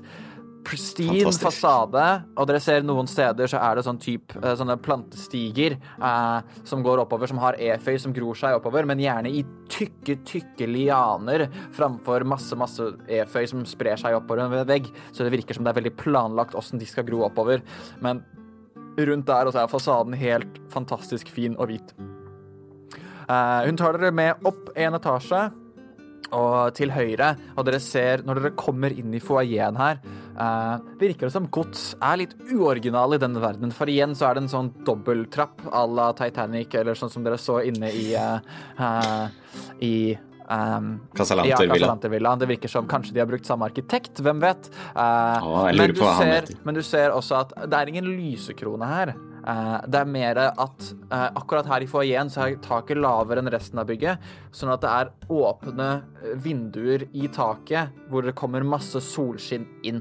Uh, så det er veldig mye naturlig opplyst. Det er også veldig mange speil i dette bygget som på en måte lyset reflekteres fra, sånn at nesten alt her inne er bare naturlig lys framfor som dere har sett liksom levende lys eller magiske lys tidligere. Eh, Deilig. Mm.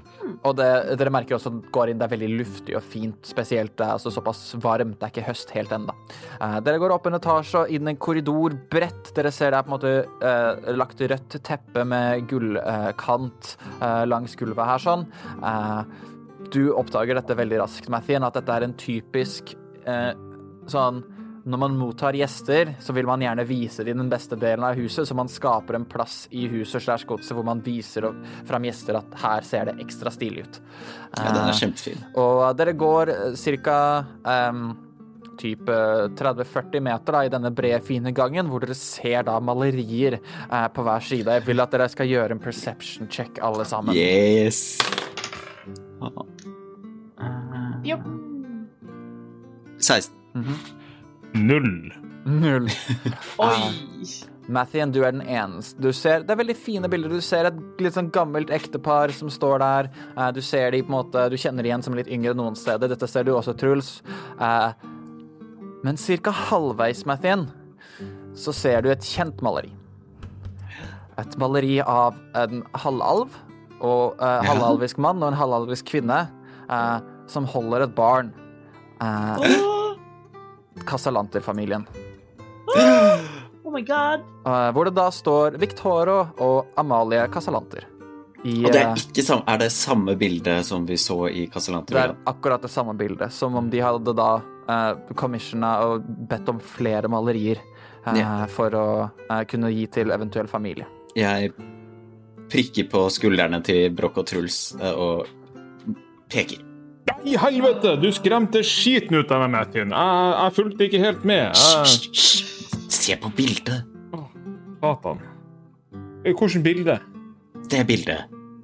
Å, Det dæven! med Casalante på. Oi. Bare se Gerta stopper opp. Ja, en, et veldig fint bilde av eh, da Amalia, eh, den ene av tvillingsøstrene eh, eh, Amalie, Ikke Amalie. unnskyld. Amalie, nå var det helt nytt. Amalie, eh, Ja. tidligere Hervengrad, nå eh, Casalanter, som da giftet seg med Victoria Casalanter eh, borte i, i Waterdeep. Uheldigvis så har vi ikke hørt fra de på en, en god stund. Men dere må bare følge videre. hosten deres venter. Ja, takk. Er det et jentebarn på det bildet? Ja, du ser de holder et bitte lite jentebarn. Ja. Og uh, Ja. Er det noen andre bilder å legge merke til mens vi går? um, dere går videre. Um, med den perception-sjekkene Du merker det er ikke så mange andre avbildninger av på en måte, barn utenom det du da kjenner igjen som det eldre ekteparet med da sine barn igjen. Um, sånn Ja. at ikke ingen, Amel, ingen av Amelia og uh, Selborn sine barn, nei. Truls går og, og ser veldig nærme på de bildene vi går forbi. Eh, ligner de på Truls? Gjør en ny perception check. 16. Du legger merke til at nesten alle sammen er blonde. Oh. Veldig, veldig mange i denne familien har blondt hår. Uh, utenom én person. Bestemoren. Okay. Sånn at det virker som om da Genevieve uh, har da et uh, mer sånn mørkere brunt hår, mer likt ditt eget. Genevieve. Uh, og hun heter Kitharis. Nei, dette er altså Genever Nei. Hervengrad. Hervingrad, selvsagt. Ja. Nevner dette her for oss? Uh, jeg tror Truls stopper opp foran et bilde av bestemoren. For hun skiller seg jo da ut med brunt hår. Uh, og så blir han stående Han sier vel ingenting, men hvorvidt dere legger merke til at han stopper opp litt eller ikke, det er jo opp til dere. Dere kan gjøre en insight-sjekk. han stopper opp og titter litt på henne. Insight. 18. Mhm. Åtte.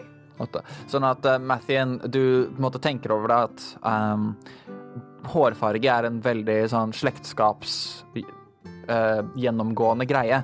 Uh, og Truls stopper opp veldig i og med at Og du tenker over det selv at veldig rart at alle er blonde utenom kun bestemoren.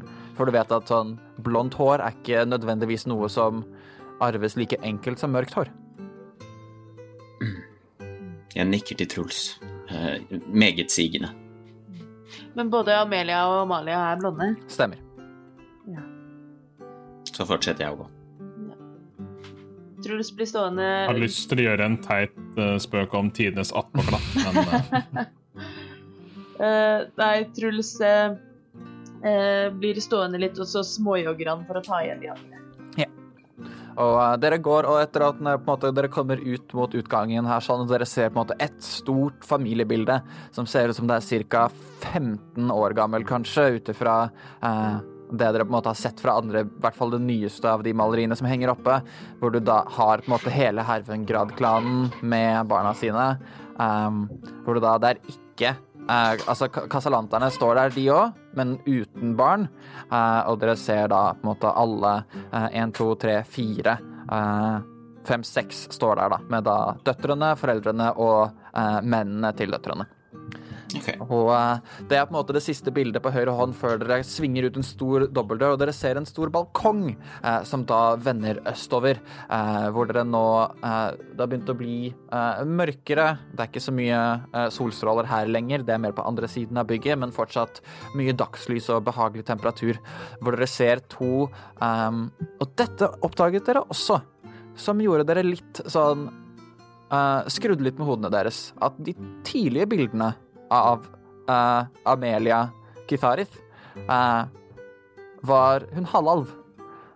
Men når dere kommer ut nå og ser det som må være Amelia og Selborn, står det da foran dere, eller sitter det foran dere to høyalver. Ja. Og uh, dere ser med en gang dere kommer ut, og Gerta stopper opp og Jeg presenterer Mathien Sileris. Jeg, uh, Mathien booker uh, Sildris-bukke. Den er grei. Uh, Brokk, Kranlause. jeg tar eh, øyearmene mine i kryss. Og um, Truls Even Wood. Litt sånn uh, forvirret og usikker på hva han skal gjøre, så uh, prøver Truls også å booke sånn Men ikke, ikke sånn Silleris, men et litt sånn keitete bukk. Mm. Gjør en performance check. Oi, det var ikke så verst. Skal vi se Performance 14. 14. Sånn at du på en måte du eh, er litt usikker på hva du skal gjøre, men måten Knirk booket virker veldig enkelt. En hånd foran, en hånd bak, lite bukk. Og du klarer det uten store problemer. Og eh, eh, Ja, og du hører da eh, Det du antar er Selborn, en eh, typ to meter høy fyr. Veldig muskuløs. eh, sånn at du på en måte ser ikke sånn veldig, veldig store brystmuskler og biceps, men sånn du kan tydelig se brede skuldre, og uh, han har på seg en ganske slank frakk, uh, hvor du kan på en måte se outlinen av hvor ganske sånn senete, sterke muskler er på armene. Uh, du ser han har en helt, helt, helt svart lærbukse som nesten blinker grann, eh, men da kledd i helsvart. Eh, ser kanskje også ut som han har fått eh, veldig lik Fane, egentlig, i sånn selve stilen, bare ikke like mye sølv og små liksom, fargeklatter, men veldig gjennomført svart. Hvor du ser ved siden av han Amelia har på seg en kjole som ligner litt i stil på Mathien sin finstas, med at det er da dette motivet av solnedgang ehm, i disse forskjellige solnedgangsfargene av mørkerød oransje og litt hvitt for å styrke de mørkere fargene. Hvor da eh, det er Selvorden som starter å prate. Velkommen til Hervengodset, ærede Silleris. Og han gjør da dette bukket perfekt. Armen ut til side, bukker armen sammen opp igjen. Det ser ut som han beveger seg som vann. Eh, og da ehm, eh, Amelia reiser seg opp, tar armen ut til side og neier på samme måte. Det er samme armbevegelsen, men det er bukk og et nei. Og hun svarer igjen. «Ehm, velkommen til eh, vår fantastiske samling. Eh, sett, dere, sett dere ned. Vær så snill, sett dere ned. Tu, tusen, tusen takk. Tusen, tusen, tusen takk. Eh, hvor skal vi sette oss ned? Ehm, her, vær så god. Og du ser der hvor på, måte, på denne terrassen så er det et lite bord med litt kaker, eh, litt forskjellige mugger med ting å drikke fra, og da eh, en del stoler sir- plassert rundt. Hva slags kaker? Eh, sju sorter. Ja. Åh, Ah, ja. Jeg hadde et håp om napoleonskake, men det er greit. Eh, Just for special jeg, occasions. jeg setter meg på den stolen som er eh, direkte ovenfor Amelia og Amalie, hvis det er et rundt bord. Ja, det er jo altså, det er bare Amelia her, da, ikke Amalie. Uh, Nei, nei, Mm. ja, Selborn. Selborn og Amelia. bare- Uh, ja, sånn at du, det, er et, det er et rundt bord, og du på en måte setter deg sånn at du har cirka så rett ovenfor begge som du får til. Uh, sett meg på på Mathien sin, sin høyre side. Og Truls på den venstre. Den er grei. Og dere setter dere ned, og han eh, sier ja, eh, selvfølgelig. Velkommen hit, uh, Mathien Sileris. Hva kan jeg gjøre for deg, eller for uh, noen av dine da uh, undersåtter? Nei, vil igjen takke for invitasjonen, og, og, og for For et sted dere har her. Veldig vakkert. Hvor lenge har dere vært her nå? Vi kom en gang forrige uke, men uh, hvor lenge vi blir her, kanskje noen få dager til. Brakk. Før dere reiser, Unnskyld. Fortsett med Finn. før dere reiser til Og ja, vi bare drar tilbake igjen til eh, solnedgang. Ja. Vi tenker at eh, ofte så er det fint å dra hit, spesielt på denne tiden av året hvor det er litt, uh, blir litt sånn på sensommeren. Uh, det er et, en liten deilig pause fra et veldig busy liv. Eh, Nei, uh, du kan ikke hjelpe meg med så veldig mye akkurat uh, nå. Det er mest min ene kompanjong her, Truls, som har noen spe mer spesifikke spørsmål som jeg tenkte dere kanskje kunne gi litt utdypende svar på. Ja, men vi kan sikkert svare på noen av spørsmålene deres til alle som har spørsmål for den saks skyld. Brakk. Uh, hvor langt unna oss sitter hun nå? Dere er på en måte sånn, dere har alle sammen er innenfor en eh, typ tifotsradius av Ja. ja. Dere er ikke Eh. mer enn ti fot unna de. Det her er jo da tydeligvis slekta både til Truls og, og, og til Mathien og, og til en Casalanter, så jeg har lyst til å ta en veldig eh, diskré divine sense. OK. 60 fot? Uh, den er uh, Jo, 60 fot, og, men ingenting som er bak en vegg, liksom. Dette okay. er mer for å få liksom, noe jeg ser på. Hva er det du merker igjen? den- Celestial Den Fiend Undead, og også Consecrated Hollow spell. Det er alltid spennende når DM spør liksom Ja, hvor lang radius, og hva er det du oppdager egentlig?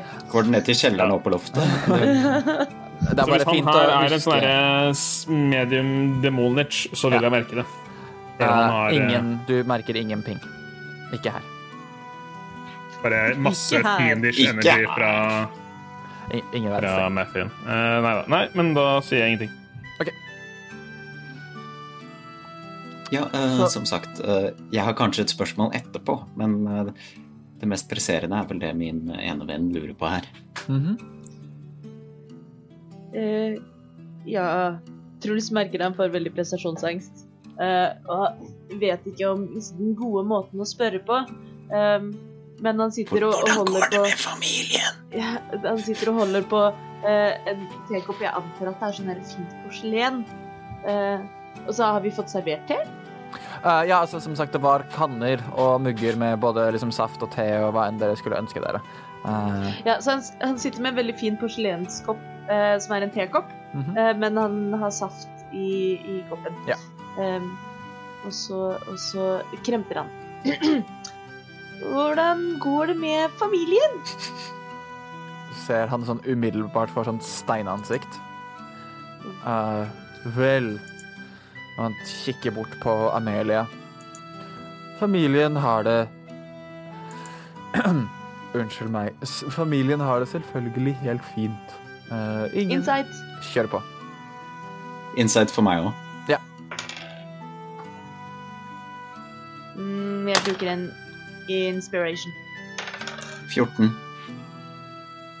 Skal vi se Insight 19. 19. Dere merker at eh, han har en slags forakt mot Amelia. Oi. Ok. ok. Og den er kun directed mot Amelia. Ja, altså sånn idet dere spurte sånn åssen det går med familien, så umiddelbart sånn, kikket han mot henne, ble litt grovere i målet før han tok seg i det og sånn.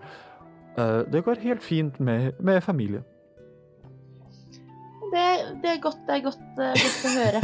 Eh, jeg er veldig interessert i slektsforskning, eh, og jeg eh, jobber nå med et prosjekt hvor jeg prøver å kartlegge eh, familiene i Birkenhavn. Og så lurte jeg på om du kunne fortelle meg litt mer om uh, Genevieve Hervengrad og, og hennes relasjoner. Eh, sier Truls, og så drar han fram eh, en liten notatbok fra innerlomma. Mhm. Eh, men pass på å ikke flashe eh, brosjen helt ennå. OK, den er grei. Så du trekker fram en liten notatbok, og han eh, setter seg ned og gjør en deception check. Truls skal. Ja. Ja, det er Truls kjempeflink til. Vi bruker et luck point på det. uh, oi, det gikk hakket bedre, ja. Eh, skal vi se Deception 21. OK. Så uh, han vil Vel eh, Nå er det jo sånn at uh, Genevieve han snur seg mot Amelia. Å jo, eh, altså eh, Mamma har jo vært veldig um, Altså, hun er jo ganske gammel Jeg tror hun har hatt meg og eh, min tvillingsøster eh, eh, som eneste barn. Og så tror jeg at eh, hun har en, en bror som døde for ti år siden. Og så tror jeg at uh, slekt Og hun sånn tenker tilbake uh, Foreldrene Altså, jeg fikk aldri møtt besteforeldrene mine. Uheldigvis. Eh, men nå er jo det sånn det er noen ganger. Det kan jeg kjenne meg igjen i, så det er jo leit å høre, men sånn kan det være. Men, men du kan jo spørre henne selv. Uh, uh, gi meg litt tid. Og hun liksom plukker opp en av de små bjellene som på en måte ligger på bordet der. Plingelingelingelingeling. Og uh, dere ser på en måte eh, dere, Det er et sånt øyeblikk av stillhet eh, hvor dere ser opp på, en en, en terrasse som er et hakk over der dere sitter nå, som plutselig som åpner seg, og dere ser sånn to veldig sånn flamboyante skikkelser i noe som ligner på blandinger av togaer og frakker, med sånn masse løs sånn rysjepapiraktig stoff som blåser i noe som virker som falsk vind bak seg. To ganske gamle skikkelser, kanskje på rundt sånn 70-80 år gamle nesten. Um, men halvalver, så det er litt ambiguøst hvor gamle de er. Og uh, du hører det eh, denne bestefaren, som dere antar å være Joubert. Er vi her fått gjester? er vi ikke! Å, dette er jo helt fantastisk at vi har fått dere, og jeg hører dere kaller på oss. Vi kommer ned! Og dere ser han tar tak i kona si i hånda og hopper ut for terrassen. Og dette er et typ 40 fot dropp nesten eh, til der dere sitter nå. Men rett før de lander, så virker det som de faller litt saktere idet dere ser en fjær fly ut av håret til det er Genevieve som står ved siden av. Dere ser disse to skikkelsene med begge to veldig langt, hvitt hår bak i hestehaler. Det er nesten sånn at de ligner. Joubert har et veldig tett, hvitt skjegg som går nesten ned til navlen. Han kan minne litt om humlesnurr. Uh, Hvor igjen da uh, Genevieve eh, ja, litt over et hode lavere, men eh, ganske mager dame. Tydelige kinnbein, for dere ser det gamle fjeset har på en måte blitt litt innsunket, men øynene stråler av glede. Eh, og dere ser også hun har et ganske mye gråere hår, da det er ikke like hvitt som han. Eh, litt som dere ser ofte mørkhårede eh, gamle kvinner får ofte eh, gråere hår enn en blonde kvinner får mer hvitt. Eh, og hun da ah, Velkommen hit til Velkommen hit til dere, til oss. Eh, mitt navn er Genever. Dette er min mann Joubet. Eh, hei. Eh, med store, store liksom. smil. Ja. Hallo. Og de som setter seg da, eh, siden dere på en måte har tatt alle plassene i midten, så setter de seg på en måte på hver sin side, sånn at de to sitter overfor hverandre og fullfører sirkelen, lener seg tilbake, eh, får en tekopp hver av tjenerne og eh, og Joubert begynner Ja, vel, velkommen hit eh, til Hervinggodset. Mitt navn er Joubert Hervingrad. Eh, hvem er så dere? Nei, jeg venter jo da på at Nå er jo vi gjester. At vi skal bli introdusert. Og de liksom titter litt rundt på hverandre, og uh, du ser uh, Selborn ha Ja, nei, Selborn bare sånn stirrer på Amelia med mer forakt enn sist, og hun Å! Oh, um, uh, vel, selvfølgelig. Um, dette her er Mathien Siliris fra um, Waterdeep. Um, Truls Evenwood fra Waterdeep og uh, Broch, Broch Klanlause fra Waterdeep. Eh, dette er uh, Jobé, Jobé og Genevieve Herungrad, uh, mine foreldre. Uh, ja. Og hun sånn setter seg litt mer sånn uh, underdanig ned igjen i stolen og ser litt ned i tekoppen sin. Virker det som om hun har det kjipt? Du? Kan inside-sjekke nå. Det er ikke det at hun, hun virker veldig nervøs, eh, og virker som hun fortsatt tilpasser seg et, eh, et litt annet liv enn hun er vant til. Hun har ikke noe blåveis eller noe sånt, liksom. Ingen blåveiser. Hun virker som hun tilpasser seg et liv hun ikke er vant til. Ja, for de er nygift, ikke sant? De, de har vært sammen veldig lenge. Eh, ja. Så de er ikke nygift i Det det hele tatt. det er fordi det er alvehelvete, Robin. Men er det mulig at Amalie Um, hvis uh, Jeg har jo drevet og titta litt på, uh, på Mathin i det siste og fått noen åpenbaringer i mitt stille sinn. Mhm.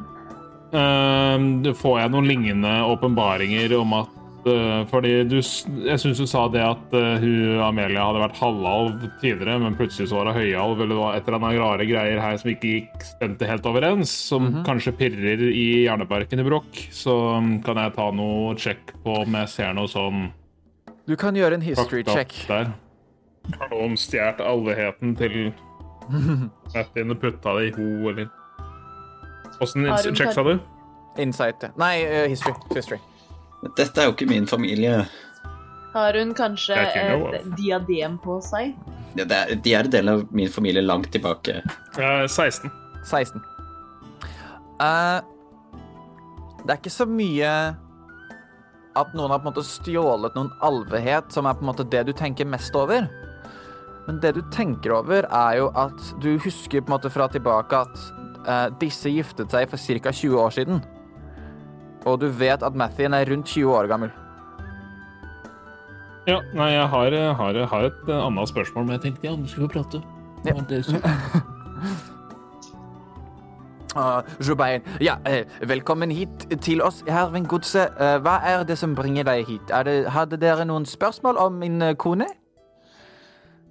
Uh, Truls her hadde det. Ja, jeg driver litt eh, slektsforskning og, og byhistorie, og så lurte jeg på om dere kan fortelle meg litt om de hervengradske eh, eh, forretninger. Altså eh, om dere kan fortelle meg litt om eh, f.eks. hvordan Hervingrad-familien var stilt for ca. 20 år siden, og om det er i orden om jeg skriver et avsnitt eller to eller tre eller fire eller fem om dette Eh, ja, altså til mitt historieprosjekt. Jeg forstår. Uh, vel, Hervingrad-familien er de, uh, Hervingrad er jo originalt mitt navn, og selvfølgelig mitt Joubert, som herren i familien. Også, også familiens overhode. 20 år siden så drev vi veldig god business rundt omkring i Vilkenhav. Eh, det var da vi først begynte å ekspandere. Det skjedde egentlig en liten sånn fin, uh, fin cut-off rundt uh, 20 år siden, hvor vi begynte å få forstå denne eh, flotte eh, eh, forretningssansen. Det å kjøpe eh, boliger, eh, selge de videre, leie de videre, eh, og begynne å ekspandere på den måten. Eh, vi merket også at eh, det var enkelte som skulle prøve å kjøpe eh, dyrt, eller kjøpe billig, leie dyrt, eh, hvor vi fikk inn eh, noen fine sånne, hva skal man kalle det, fagforeninger til å holde prisene sånn at det var rettferdig for alle sammen. Eh, som vi eh, var ikke så godt for business i begynnelsen, men etter ca. fem-seks år så begynte omdømmet vårt å spre seg eh, av den grunn. Eh, så businessen begynte virkelig å gå bra, i hvert fall i den femårsperioden der. Um, familien Jeg kommer fra eh, en, en bondefamilie. Det var her på det godset dere ser nå, hvor vi var en av eh, 30 eh, små eh, hva skal man si, åkere som grodde forskjellige ting. Men ettersom vi tjente mer penger på uh, det som foregikk inn i byen enn utenfor byen, så uh, i hvert fall da jeg begynte, så kjøpte vi opp de andre gårdene og ga heller billigere mat og hus til de andre gårdsarbeiderne og ga de jobb her på godset. Dere har selv eksempel sett uh, Gerta. Uh, hun var en av de som jobbet på en gård, som fikk lov å uh, få en jobb her i huset istedenfor. Og jeg tror ikke hun er så misfornøyd med det. Ja. Om det er i orden, så tar jeg gjerne et lite portrettintervju av Gerta og lærer litt om hennes slekt eh, i løpet av besøket også. Jeg håper det er i orden. Ah, jeg selvfølgelig er det helt i orden. Takk, takk. Brokk. Kan jeg stille Altså, hei, Brokk heter jeg. Jeg bare et lite sidespørsmål, for jeg, jeg er jo interessert i denne forskninga til en Truls. Eh, eh, litt sånn fra dvergestandpunkt. Og vi, vi, vi syns jo det er interessant med hvordan familier fungerer hos forskjellige raser og kulturer. og i hvert fall for, for oss dverger, så sånn sånne uekte lausunger, det er liksom helt normalt. Eh, Jeg lurer på hvordan stiller dere dere til uekte lausunger for 20 år siden, og hvordan stiller dere til det nå? Bare sånn rent akademisk. Uh, gjør en inside check. Ai, ai, ai, ai, ai. Kan Veldig sånn- spesifikt historiespørsmål. Uh, tr- Tror du spiser en serinakake og er veldig bekymret? Insight? Eh, ganske bra, faktisk. 18. OK. Joubert begynner å prate. Vel, lausunger Det er jo egentlig ingenting galt med en lausunge til uh, å uh, begynne med. Noen her er uheldige og blir født utenfor uh, ekteskapet, eller kanskje utenfor en familie som holdt sammen. Sånn at det er ikke så veldig sett ned på, mer uheldig for, for andre. Men du ser veldig tydelig, Broch, at mens han prater, så ser du at Genevieve har blitt mye mer tilbakeholden enn det hun var. Kan jeg bare, kan jeg bare sånn eh, nonchalant bare stirre på Genevieve mens eh, resten av samtalen fortsetter? Er. Han bare prater, jeg bare stirrer på. Uh, Mathien er jo da på sin uh, Har andre kopp te uh, og har fulgt med på dette og følger med på samtalen. Og så spør jeg da Jobin Ja, det var da denne siden, de som kommer herifra. Men hvis jeg ser på dette godset og hvordan det er bygget, så er det jo veldig mye jeg kjenner igjen fra eh, hva skal man si, tiden min i solnedgang. Eh, Så hvordan, kom, hvordan hadde det seg at solnedgangske kom, eh, kom inn hos dere? Du ser umiddelbart selvbarn, Vel, eh, det var jo mer min fortjeneste da, som sagt, de begynte å gjøre det veldig godt i eiendomsindustrien, og det går ikke Kitharith-familien forbi. Så Nei, det hadde jeg vi forventet. dro ned, og jeg og Amelia fant jo fort tonen, og, og du ser han liksom tar og strekker ut hånden, og med en gang på en måte han begynner å prate om, om hvordan de møttes, så virker de litt mer glade. Du kan gjøre en inside check. At de fant tonen. Mm. Eh, 16. Uh, det virker som han sier sannheten. Og uh, du ser begge to liksom har et litt sånn smil, eh, som også gjerne har litt smilerynker rundt, som du vet er vanskelig å fake, spesielt når du er høyalv. Og, eh, han, øh, og vi fant fort hoden, og, og eh, seremonien gikk, gikk veldig fort. Uh, du vet jo det, Mathien, at uh, Ja. selv om hun var en halvalv, halvalv uh, så, så er det mulig for oss solstråler å gifte oss med av andre raser, men heldigvis så var hun enig i å gå gjennom en, et, et veldig farlig magisk ritual for å få frem eh, Skal man si Ja, forandre prosessen, hennes ja, eh, mener du? ja. Eh, Mm. Uansett så, så er det jo da mye min innflytelse og, og, og oppbygging av dette godset, uh, og har hatt en finger med i spillet på det arkitekturelle, da. Ja, for, ja. uh, og mine komplimenter til deg, Selvo. Jo, tusen takk. Det er jo vel som de sier, et fint gods blir ikke tenkt på på en time. Uh, Mathien ler en, en innøvd latter, som han har ledd på mange selskaper. Den er grei. Eh, og så skal jeg selvfølgelig hilse fra Seviana. Og ja, selvfølgelig. Åssen går ekspanderingen av Mithral-kontrollen? Nei, det går, eh, det går veldig bra, altså. det er godt å høre. Jeg vet at hun uh, fikk noen agenter hit i hvilken havn nylig. Å, ja, Mm. selvfølgelig. Ja, Det vet jo du Mm. alt om. Du er sikkert en av de, er du ikke det? Må jo holde det inne i familien. Ja, det, man sier jo det i solnedgang. Mhm. Ja. Han gir deg et litt sånn sideblikk før han eh, tar en slurk te, og du ser at uh, han på en måte lener seg litt over mot kona si, og de begynner å ha en litt eh, mer stille samtale om uh, noe som ikke virker veldig betydelig. Broch, du merker at uh, Genevieve har liksom ikke klart å følge Hun prøver på en måte å smile og, og ta del i samtalen gjennom smil, og at hun liksom putter sånn uh, hånden i fjeset og virker interessert, men har ikke uh, Virker litt sjokkert over at du stilte det spørsmålet du gjorde. Truls? Um, mm, Truls lener seg fram og strekker seg etter en, en, en julekake, eller et Mhm. slag. Um, antageligvis en smultring, som ligger nærme Genever. Mm -hmm. Og da faller jakken åpen, Mhm. og eh, brosjen synes. Og han følger med på at Genever ser den. Og så tar han smultringen, og så setter han seg tilbake og spiser på den, mens eh, han later som han noterer ting i, i blokka si. Og du ser hun liksom stirrer på brosjen en liten stund. Stirrer opp på deg. Og kan du meg, si meg hva passive insighten din er? Uh, kjempehøy, drithøy, så masse. Uh, skal vi se. Passive insight Aha, på 14. ok. Sånn at uh, du ser at liksom den nervøsiteten hun hadde, forsvinner litt. Og blir liksom byttet ut med glede. Før hun igjen må liksom ta seg litt i øy, øh, blikket hennes. Og så sier hun em, em, eh, eh, Truls? Ja? Er du, er du glad i fugler? Altså Ja. Mhm. Strålende. Eh, Joubert, kunne ikke du eh, blitt med meg og vist eh, Truls eh, utstillingen vi har? Så spennende.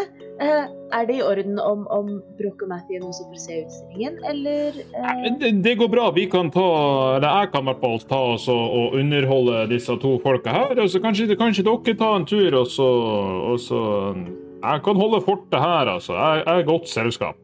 Ja, I tillegg skulle jeg altså prate litt med Mathien om denne Mithral-ekspansjonen. Eh, for jeg, jeg hører at jeg din mor har ansatt noen meg noe nye mindre. Eh, Din mor har ansatt noen nye eh, folk til å, å, å dele de ut og, og eh, må være litt mer aggressiv i approachen. Jeg hørte hun hadde noen uh, uhell med noen dverger i et eller annet eh, skrapefjell. Jeg vet ikke helt, jeg.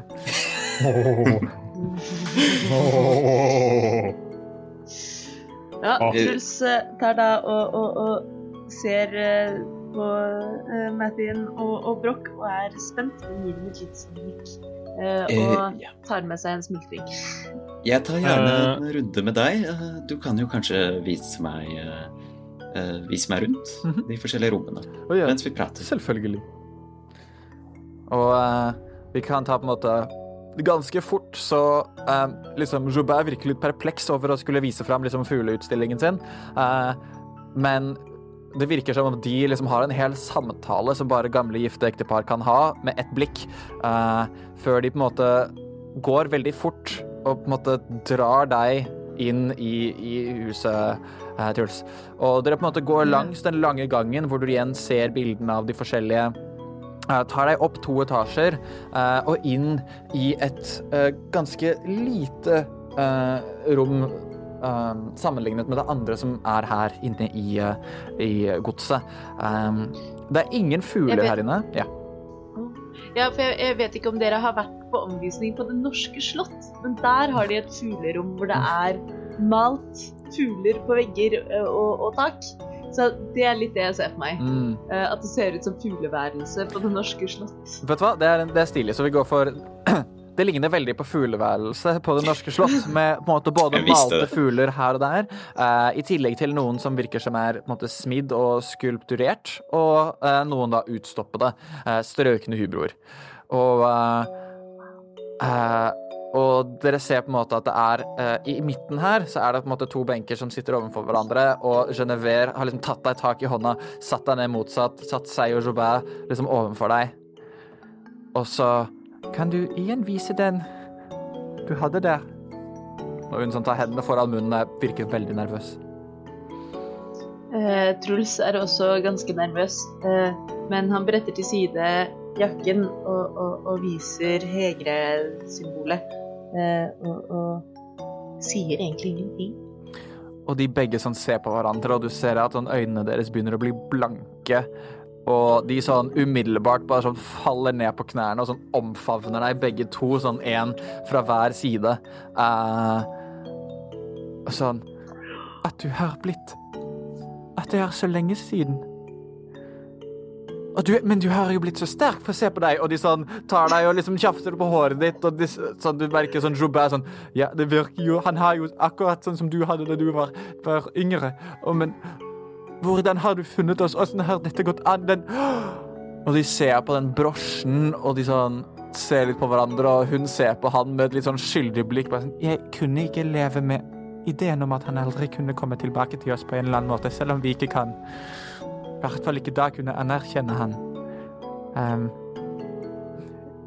uh, selvfølgelig. Jeg, vi forstår du, ehm, Vi skulle jo forstått det med en gang. Se på deg, du ser jo ut som meg, og dere ser på hverandre. og Det er de samme på en måte lysende øynene. Uh, dere ser veldig, veldig like ut. I hvert fall den halvdelen av henne som er menneske. Uh, og de på en måte litt sånn famler sånn tilbake igjen, setter seg på den andre benken. Vi har en million spørsmål, Truls, men du må jo ha flere. Uh, du kan få tenker jeg. og de sånn holder Ja. hverandre hardt i hendene og stirrer på dem bare av fryd. Uh, Truls uh, har jo også da selvsagt begynt å gråte litt.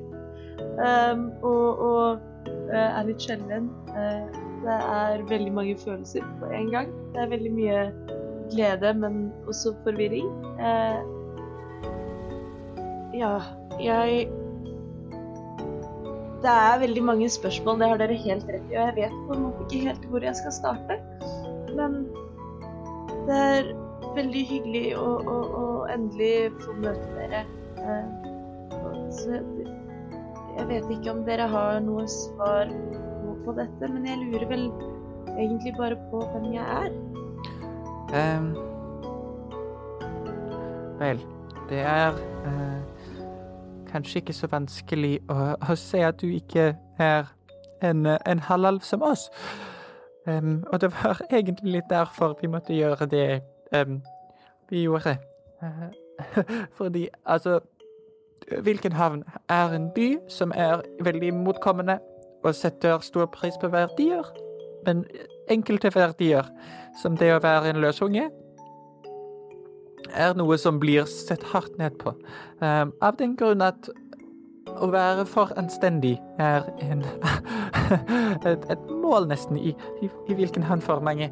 Um, I hvert fall i noen distrikter, spesielt uh, i eiendommen og de vi ville ønske å være sammen med og drive business med, som Kitharith-familien. Vi var jo utrolig heldige da Amelia og, og Selborg fant tonen. Um,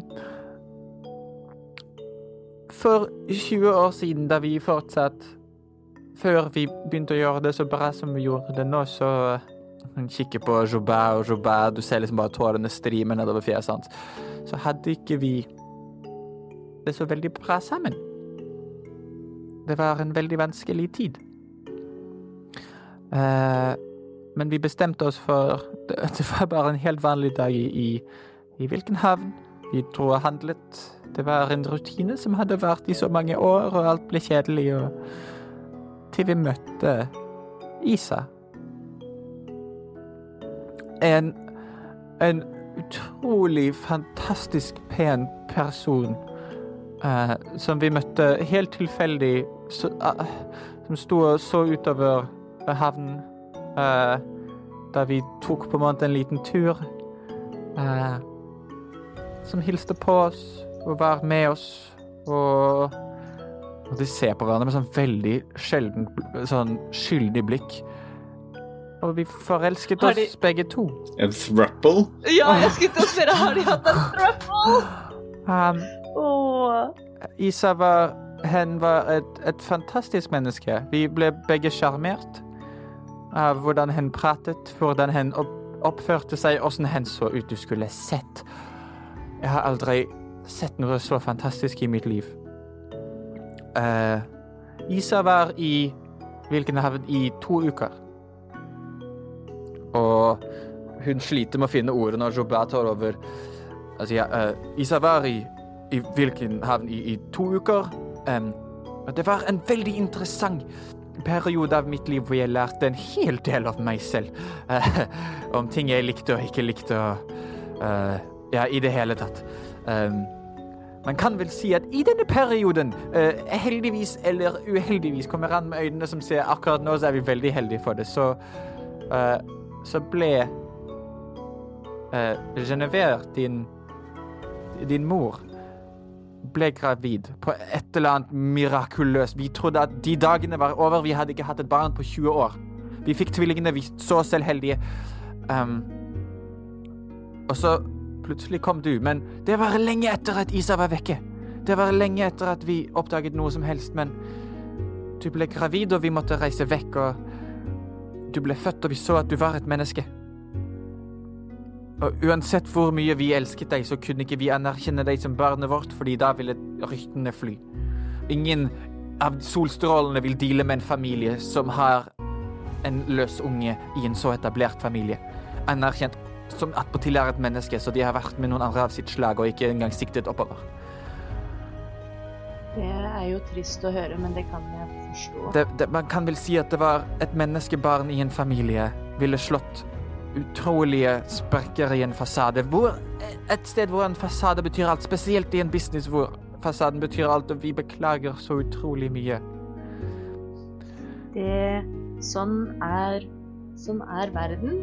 Sånn er livet. Eh, men jeg har hatt det veldig fint. Jeg har hatt en veldig flott oppvekst. Eh, det var to bønder eh, mann og kone som, som fant meg i Waterdeep. De har behandlet meg som sin egen sønn. Det har vært veldig fint. Og som dere, som dere, ser, så har jeg jo gått i lære i Pelors skole. og har generelt, føler jeg i hvert fall, hatt et så godt liv man kan ha. men jeg har jo alltid lurt på hvor jeg kommer fra og kanskje hva som skjedde. Og jeg er veldig, veldig glad for å endelig ha fått møte dere. Jeg har ikke lyst til å kreve noen ting av dere. Eh, det er ikke slik at jeg trenger penger eller noe sånt. Eh, jeg vil egentlig bare ja, bli kjent med dere. Det hadde vært veldig hyggelig å lære mer om dere. Og kanskje også litt om, om Isa. Men jeg merker at det er veldig mye på en gang. Mm -hmm. Men Em, eh, selvfølgelig. Um, og de liksom kikker seg rundt. Vent her! Og Joubert sånn, reiser seg opp og løper ut av rommet uh, og kommer tilbake igjen ca. fem minutter senere, hvor fem minutter hvor Genevieve bare sånn holder deg i hånden og stirrer på deg med de største øynene i hele verden. Og han kommer tilbake igjen med igjen enda en brosje. Uh, men denne brosjen har er helt blå. Og det er en veldig tydelig halvmåne. Eh, veldig enkelt utskåret. En blå halvmåne er brosjen. Det var sånn at etter at Eller da Isa dro eh, Hun sa at hun ikke var skapt for å være på et sted i for lang tid, selv om vi ville beholde henne her i godset for alltid, om vi kunne bestemme. Um, så måtte hen videre. Og uh, det, han uh, satte igjen denne, denne brosjen og snakket om uh, måneveveren. Og uh, måneveveren, denne guden, eh, som er, er fantastisk. Og vi vet ikke om Isa var direkte sendt av måneveveren eller bare en troende, men uh, hen vekket nytt liv i, i oss. Og uh, Vel, om du drar på jakt etter Isa eller måneveveren eller hva det skal være Vi kan vel egentlig sende denne videre med deg. tusen, tusen takk. Vær så god. Det... Har Truls hørt om måneveveren før? Uh, ja. Uh, måneveveren er en av de mest populære gudene. eh, mye på bakgrunn av at det er en veldig sånn uh, lev og vær fri-tankegang. Eh, samtidig som det er, også er den veldig sånn Men måneveveren er litt ambiguøs. Det er mange clerics fra eh, Trickery Domain som hører til måneveveren. Eh, ganske mange rangers eh, som gjerne søker uh, byttet sitt om natten osv., som tilber måneveveren for å skape lys i mørket. Eh, så det er en slags sånn Hjelper deg i mørke skygger, men også Er ikke sånn direkte god, men absolutt ikke ond men mer et slags vandredomene som ønsker å skape glede. Mm. Kult. Ja. Eh, Truls har vel plumpet ned på Er det noen stoler i dette rommet? Ja, Det er bare de, på måte, de to benkene som er overfor hverandre, som jeg mener kan sitte ned på og på en måte se seg rundt i dette fuglerommet.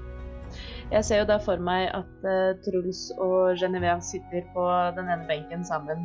Uh, og uh, kanskje småprater litt om Ja, sånn alt fra Ja, så små historier om Truls sin oppvekst og livet i Waterdeep.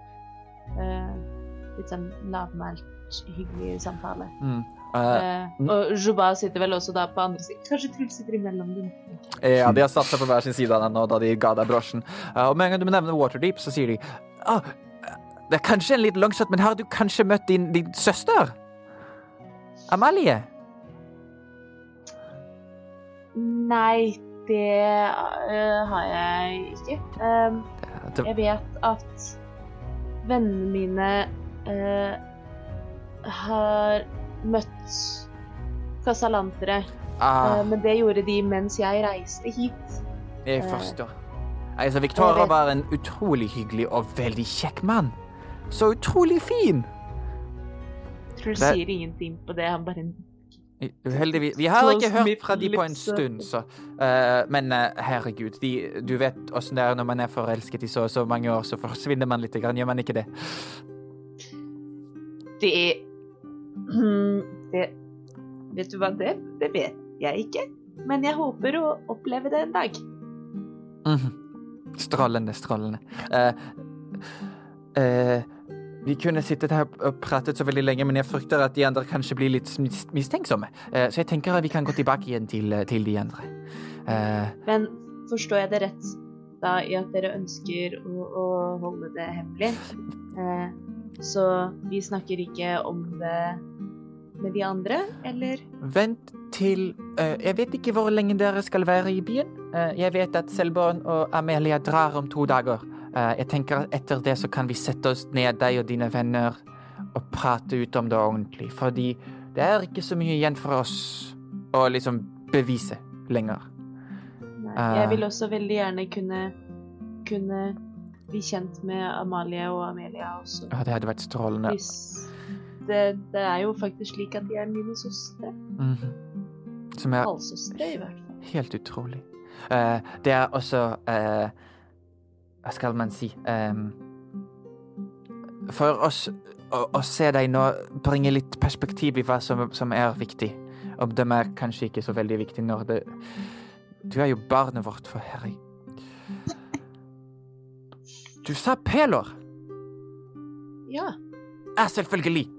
Kom med meg! Og du ser Jobert retter seg opp og liksom tar tak i hånda di og drar deg gjennom halve huset, og du føler at du løper rundt i ca. 20 minutter før han sparker opp en dør, og du ser i øverste etasje, helt, helt i toppen, der hvor du kan se solen hele dagen, så er det en shrine til Pelor. Nei! Og et, og et sverd som på en måte står bak det lille um, Uh, Hva skal man si Den lille uh, pidestallen hvor det står en liten Pelor-figurin og et skjold bak. Eh, og han uh, Vel, det er flott å høre at noen ting holdt seg i familien. Er det ikke det? Å, dette er jo fantastisk vakkert! Og tårene strømmer nedover kinnet. Uh, Eh, ja. og Jeg tror, jeg tror også han faller på kne foran uh, Pelor-alderet. Eh, og, og skuer opp på solen. Og mens dere er der og på en måte connecter litt om, eh, om pelår og så videre Eh, nei, jeg bare vedder på at de ber sammen og sånn. Det er sånn sikkert sånn ja. som Truls kan finne på. Du kjenner som du faller ned på knærne, og du merker Joubert faller ned på klærne ved siden av deg, og du kjenner hånden hans på skulderen din. Uh, Broch og Mathien, hva gjør dere? Jeg vandrer rundt med Selborn. Mhm. Eh, jeg går ut fra at han eh, viser meg alle de forskjellige rommene og trofeene og jakttingene som eh, er rundt der, og bilder og statuer og artefakter, mens han eh, smidig og sindig prøver å få ut av meg hva Sidris-familien driver med. Ikke sant. Uh, Men han får ikke noe spesielt ut av meg. det er veldig sånn, du har, du, ettersom, Nå har du begynt å prate med han, og du på en måte har ikke så, hatt så mange venner på egen alder, men du har lært deg etiketten og hvordan du skal skate rundt spørsmål. Broch, er du med de? Nei. Uh, sett igjen sammen med Amelia, går jeg ut ifra. Mhm. Og etter at vi har sittet der i en ti minutters awkward silence, så sier jeg sånn Altså, er det bra med deg? Jeg, jeg er noen dverg, men jeg, jeg, jeg, jeg har store ører, så du kan prate til meg hvis, det- hvis at du trenger å si noe. Jeg, jeg, altså, Mathien prater til meg hele tida. Jeg lytter ikke i det hele tatt. Det er bare veldig fint å prate til. Gjør en persuasion check.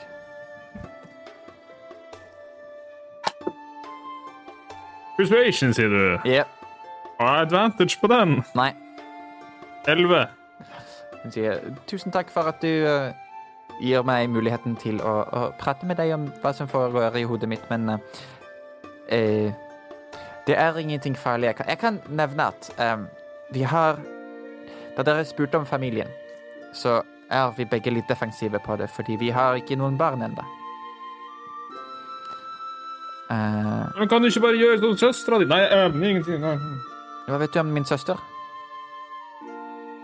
Eh, Hva eh, du, du, bare, du, bare, du bare minner meg om Du bare eh, Sorry. altså det, det er så mye navn og alver, så det går litt sånn i surr for meg. Er ikke, er ikke hun der mora til, eh, til Mathien søstera di? Gjør en deception check. Faktisk. Greit. Uh, deception uh, pluss to. 16. Hun gir deg litt sånn sideblikk, men hun lar det gå.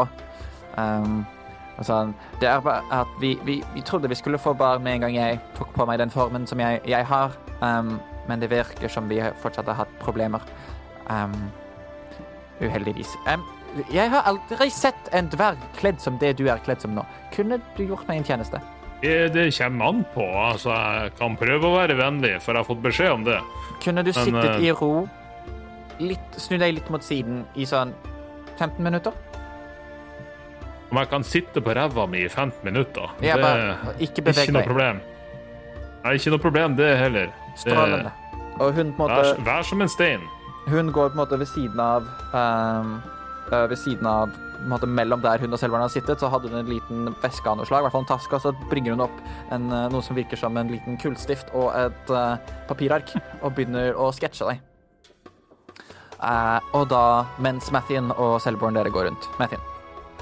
Ja, eh, jeg har eh, et par ting som jeg vil spørre han om uh, mens vi, mens vi vandrer rundt. Uh, Du, Selborn, jeg lurer på hvordan går det med de Hvordan går det i solnedgang, og hvordan går det med Det er veldig lenge siden jeg har vært her, og hvordan går det med de fire solstrålene? Og hva er de siste ryktene, selvfølgelig? Altså, de fire solstrålene går veldig fint. Um, ikke noe sånn spesielt som har skjedd i det siste. Vi har uh, hørt noen rykter om at uh, noen prøver å drive mithralhandel i gulene, men det fant vi fort ut at var bare tøys og tull, og noen som prøvde å smart, svartmale din familie. Uh, ingen skade skjedd eh, rundt det omdømmet. Jeg tror din mor har funnet noen ganske aggressive samarbeidspartnere å samarbeide med, i hvert fall i Neverwinter, kanskje, og Waterdeep, uten at hun ville dele navn på hvem det var. Og Uh, ja, altså det går bra. Altså, noe, noen av ryktene snakker om at hun har alliert seg med en gjeng av slag. Men uh, ja, jeg håper ikke det. I hvert fall ikke en gjeng av det slaget. Uh, utenom det så er det ikke Men hva i all verden? Og du ser han ser bort, og dere har på en måte, han har vist deg rundt om i huset, og dere går på en måte en runde rundt godset for å se på liksom åssen åkrene er, og noen av de liksom vanlige toppene og haugene som ligger i åkrene og, og slettelandskapet Ikke landskapet rundt dere. Idet du ser en rift liksom en helt rett, tynn, noe som ser ut som en slags katts pupil, som åpner seg der hvor dere kom inn ved entreen og veien opp mot huset. Og den brer seg ut som en katt som åpner øynene mer i mørket. Og du ser ut av den så faller det en veldig, litt for gjenkjennelig skikkelse. Veldig mye, veldig mye støv på det tidligere veldig fine antrekket. Kloremerker i fjeset som retter seg opp. Åh. Og du ser trynet til Vincent Trench, som ser mot deg og sier Martin, Ja, 50 gull kan ikke fikse det problemet vi har i Waterdeep akkurat nå.